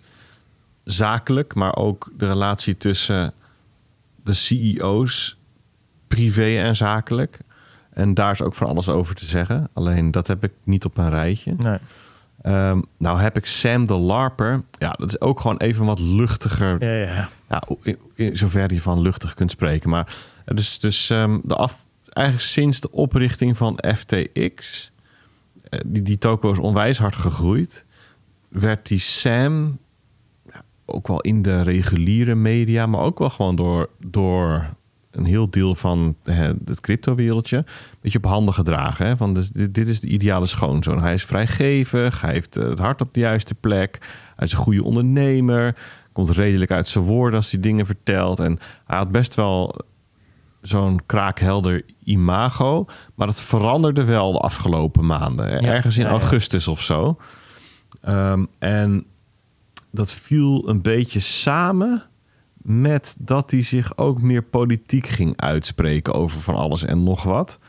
Ehm, hij is betrokken geweest bij, de, bij die DCCPA of zo. Dat die, die nieuwe act in Ja. de VS die iets zegt over, eh, eh, over de positie van DeFi en consumentenbescherming Ja. enzovoort. enzovoort. Ik zit daar ook niet heel diep in. Ehm, maar daar vond hij dingen die haaks stonden of haaks leken te staan op het, het crypto, het bitcoin-ethos. En daar, daar ja, dat was wel zo'n moment van, joh, wat, wat, eh, wat, wat, wat, heb jij al die jaren? Waar, waar ben jij mee bezig geweest? Zeg maar, zit je nou in, in deze wereld met, met, hè, zit, eh, met de juiste redenen, met- waarvan wij dachten dat dat zo was? Of ben je gewoon een fiat bro? Hoe, hoe, hoe, eh, hoe hangt de vlag er nou echt beetje bij? hypocrisie ook. Omdat hij zeg maar heel erg gegroeid was door op de cryptoboot mee te varen en allemaal gekke producten aan te bieden. En op het moment dat hij groot genoeg was om zeg maar te gaan lobbyen tegen de rest van de, ja, tegen de community zeg maar, tegen ja, Ja, maar ja, maar hij, het onderdeel van LARPen is ook... eh, Wat, wat, is, wat is LARPen eigenlijk, Bart? Even voor de... live action roleplay. Dat je doet alsof, dat je een bepaalde rol speelt. Kijk, en hij is gewoon niet de vertegenwoordiger van crypto. Hij, de, hij, hij, heeft ook, hij kan daar ook gewoon geen aanspraak op maken. Hij komt net kijken. Hij is nog nat achter de oren. Hij doet niet al tien jaar mee. Hij is ook Nee, maar- niet, komt niet uit de cypherpunk. Maar dit was niet zijn imago hè, tot, tot, tot nu. Het is het, eh, zijn imago in de cryptowereld was, was die van de succesvolle ondernemer. eh, iemand die weet waar hij het over heeft. Ja. Miljonair onder die, 30. die, die sinds 2017 concreet in de sector meedraait. Maar daarvoor ook heus wel... eh, ja, maar dat is dus al, aan, dat is dus al gelarp. ja, en en het, het was dus van, van, van tevoren niet duidelijk dat het om een, een LARP ging. Dus- Fake it till you make dus, it. dus dat, dat, was het. Dat, dat, dat, het, dat het die Sam misschien wel meer te doen was gewoon om eh, de dollars. Of om gewoon samen met wat maten toffe dingen te bouwen. En eigenlijk helemaal niet zo bezig zijn met, het, met dat achterliggende ethos. En ehm, nou, in, in de, eh, de context van, ehm, van zijn politieke carrière is hij ook wel eens voor het congres eh, ge- geroepen, gehaald, gevraagd, gesummend. Ik weet niet precies Wanneer was het, dat? eh, weet ik niet precies. Ehm, en dat is recent geweest in ieder geval. En eh dus, daar, daar kwam nog wel een, ja, hoe noemen we dat? Een, is het cru? Nou, een opvallend... Ironisch, fra- denk ik. Ironisch, ja, fragmentje van langs op Twitter. En als het goed is, kan ik die nu laten horen aan jullie. um, to bring a lot of. Last thing that I'll say is if you look at what precipitated some of the 2008 financial crisis, you saw a number of bilateral, bespoke, non reported uh, transactions happening between financial counterparties, which then got repackaged and releveraged again and again and again, such that no one knew how much risk was in that system until it all fell apart. If you compare that to what happens on FTX or other major cryptocurrency venues today, there's complete transparency about the full open interest. There's complete transparency about the positions that are held. There's a robust, robust, consistent risk framework applied, and we're excited to work with the CFTC on our uh, U.S. licensed and regulated venue um, to bring a lot of this. Uh, Nou, Dit is dus op 8 december 2021, heb ik even opgezocht. Maar dit is. Ik bedoel, dit, dit is dus hoe eh, deze dude zich presenteert aan de buitenwereld. Hè? Eh, ik weet hoe het zit en, en hoe, dat, hoe dat in de traditionele financiële sector allemaal plaatsvond. Hij is echt niet oké en wij zijn transparant en wij doen het anders. En dan nou ja, hè, zie je hoe dat, wat er nu gebeurd is. Nou, dan, dan kan, kun je bijna niet anders dan zeggen: dit, dit is gewoon een clown. Hier zit iets clownesks aan. Net zoals Hij liegt dus gewoon hier. Hè? Hij liegt dat hij barst. Hij weet, hij weet dat het niet zo is. je, je zou nog kunnen zeggen van toen waren ze daar daadwerkelijk nog mee bezig of zo? Dat, dat gingen ze met Alameda en zo pas, pas daarna. Geloof ik niet. Dus ik geloof dat hij hier inderdaad gewoon de clown uithangt. Dat dit een façade is. Op dezelfde manier als die Do Kwon mensen voor de gek hield met zijn karaktertje op Twitter. Waarvan die later zegt van ja, ik wilde me op die manier positioneren ten opzichte van de gemeenschap en ik dacht dat dat oké was. Weet je, dat, dat ja, clowns. Weet je, en ehm, eh, ja, we moeten. we, wij, wij hebben daar niet zo'n handje van. Maar het gebeurt toch gewoon te veel dat mensen opkijken naar clowns. En, en zich daaraan optrekken en denken: van, joh, hier, hier, hier hebben we wat aan. Ja, het is. ehm, Ja, maar dat is ook heel moeilijk. Weet je, wij hebben hem ook niet gespot. Even, neem maar even. d- Dit is zo.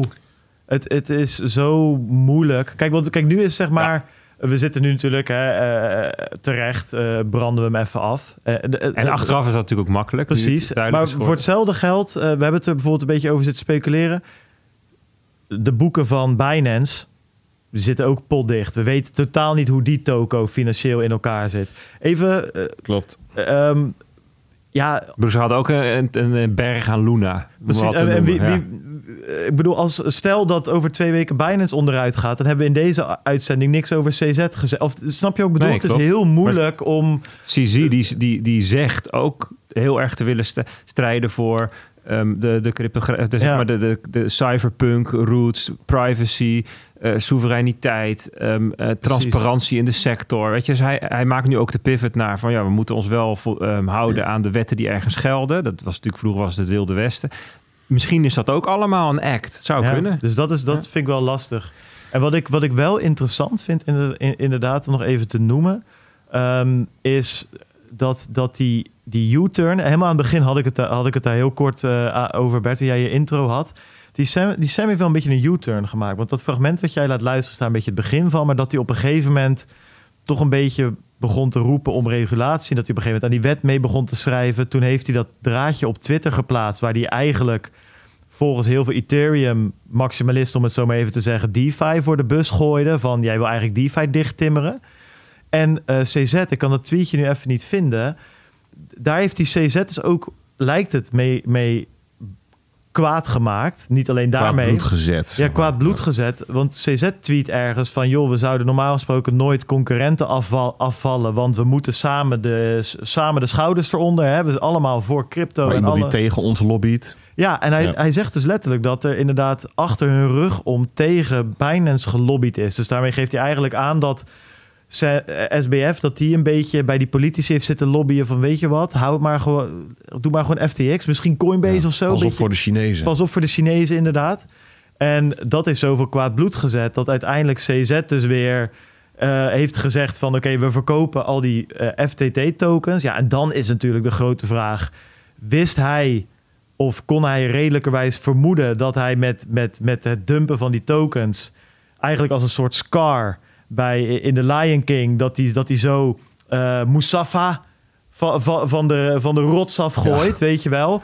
Of dacht hij van ja, dit is even laten zien van hey, eh, don't- if, you, if you come eh, swinging at the king, you better not miss.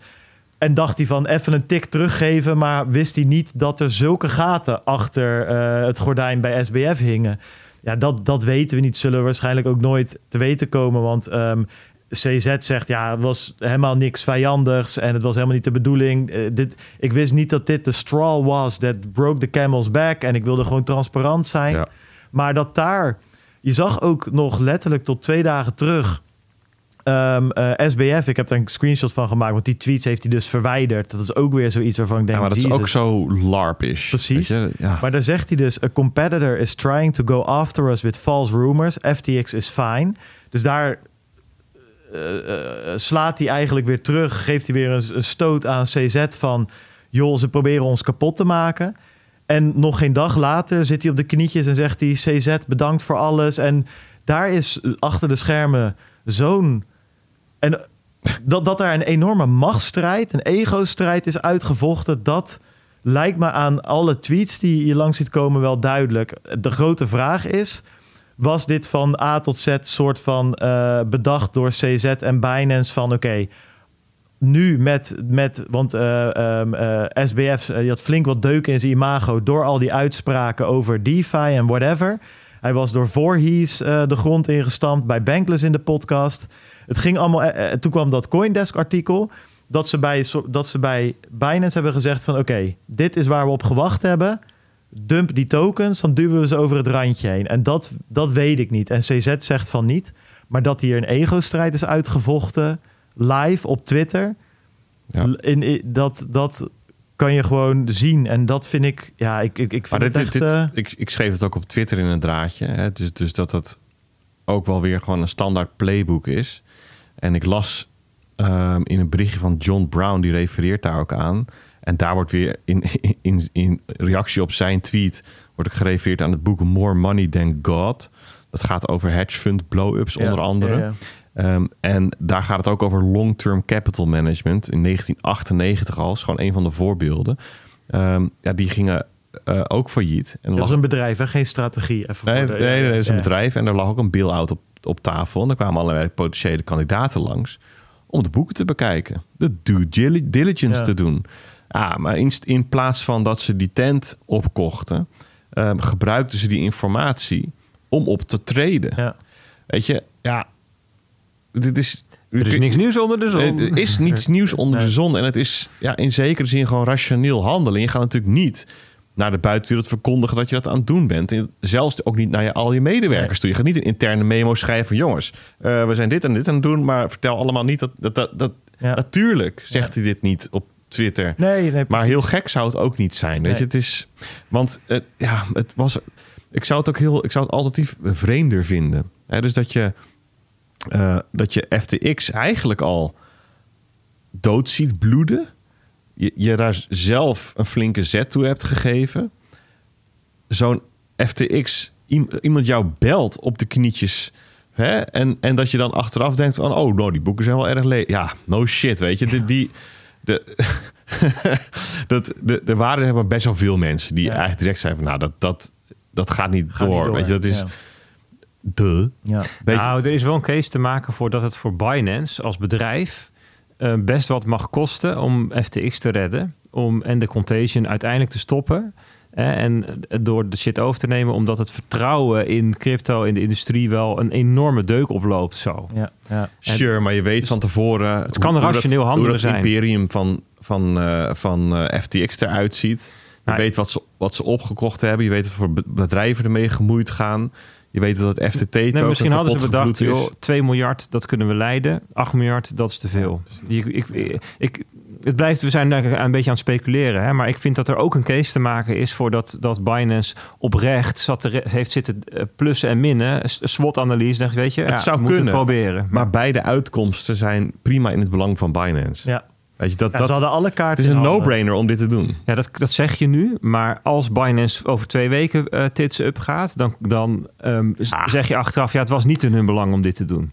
Dus Nou, dat, dat weet ik niet. Of dat, of dat zo is. Want in beide gevallen gaat, gaat de FTX Nee, naar de maan. ik, Weet je, ik, in- ik, ik hoor twee, twee scenario's die denk ik allebei eh, eh, tot een bepaalde mate plausibel zijn. Denk ik. Ik bedoel, kijk, kijk Binance, het is, wat gewoon duidelijk is, nadat zij die tokens gedumpt hebben en FTX op de knieën hebben gedrukt, toen was het gewoon op, op toen die tweets duidelijk naar buiten kwamen, werd gewoon duidelijk wie daar de azen in handen had. En niet een paar. CZ had gewoon vier Ja. azen in handen. Maar het he- zeg maar. er was letterlijk ja. geen onderhandelingspositie aan de andere kant meer. Dus dat. Het is echt, echt gewoon. Ik zie niet echt een reden om hier. om, om als Binance hij er nee tegen te zetten. Het heeft onwijs veel PR-waarde. Want in de, in de periode dat je aan het controleren bent, denkt iedereen van, nou, die Binance, Nee, goede maar- token, probeert het. Ja, eh, Het enige waar ik even tegen duw is ehm, de Dat ze- verhaallijn ja, dat, ja. dat ze van tevoren hebben bedacht. We gaan het op deze manier doen en ze, daarna gaan we ons terugtrekken en dan eh, weet je wel.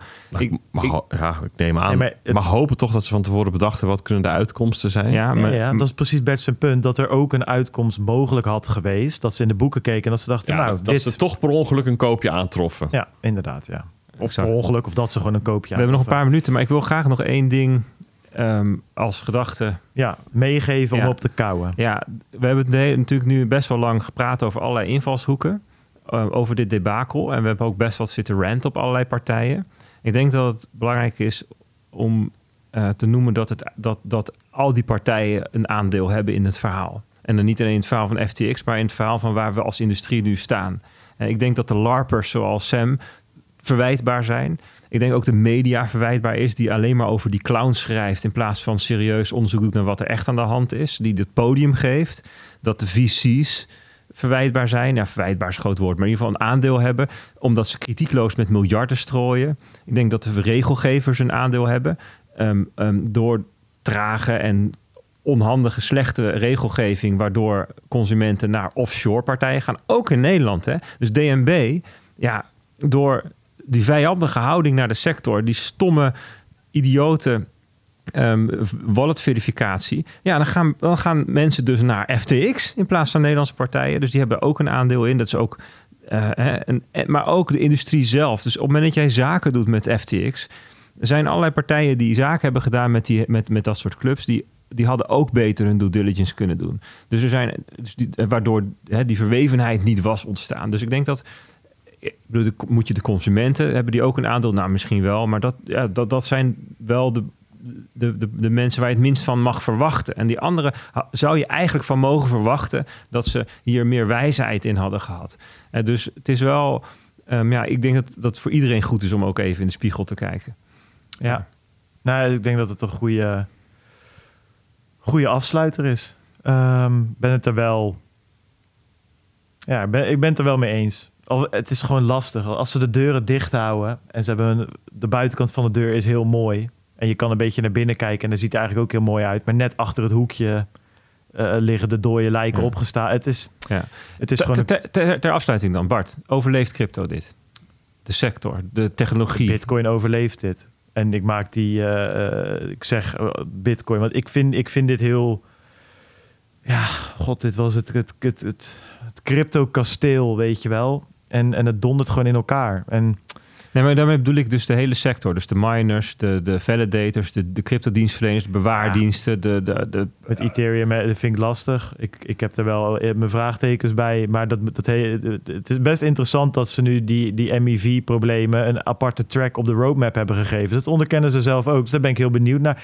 Ik denk, het overleeft het. Um, maar um, dit soort shit word ik wel gewoon heel erg... Uh, ja, een beetje verdrietig van. Dus ik denk mensen ik, ik heb gewoon een hele... Ja, sorry, we moeten het, afsluiten. Het bearmarkt pessimisme slaat in. Nee, het is geen bearmarkt. Het is gewoon... Het is echt gewoon... Ik dacht van dat we hier...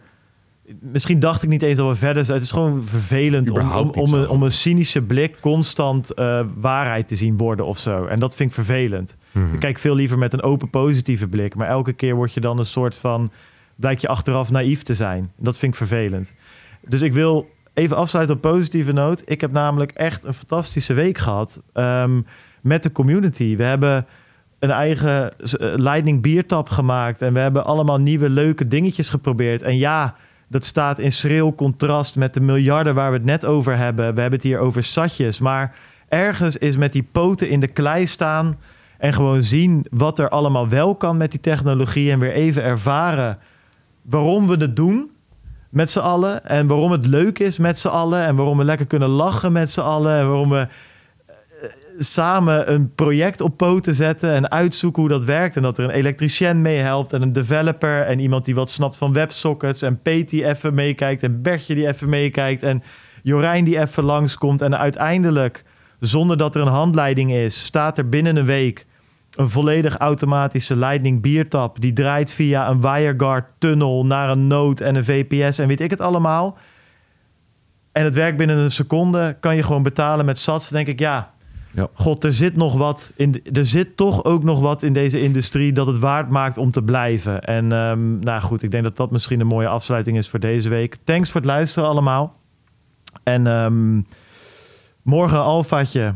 En uh, schrijf je in voor Tivoli, zou ik zeggen. Even nog alle, alle, alle, alle huishoudelijke dingen. En gewoon volhouden, jongens. Um, hou het positief. En um, tot volgende week. Laters. Later. Adios.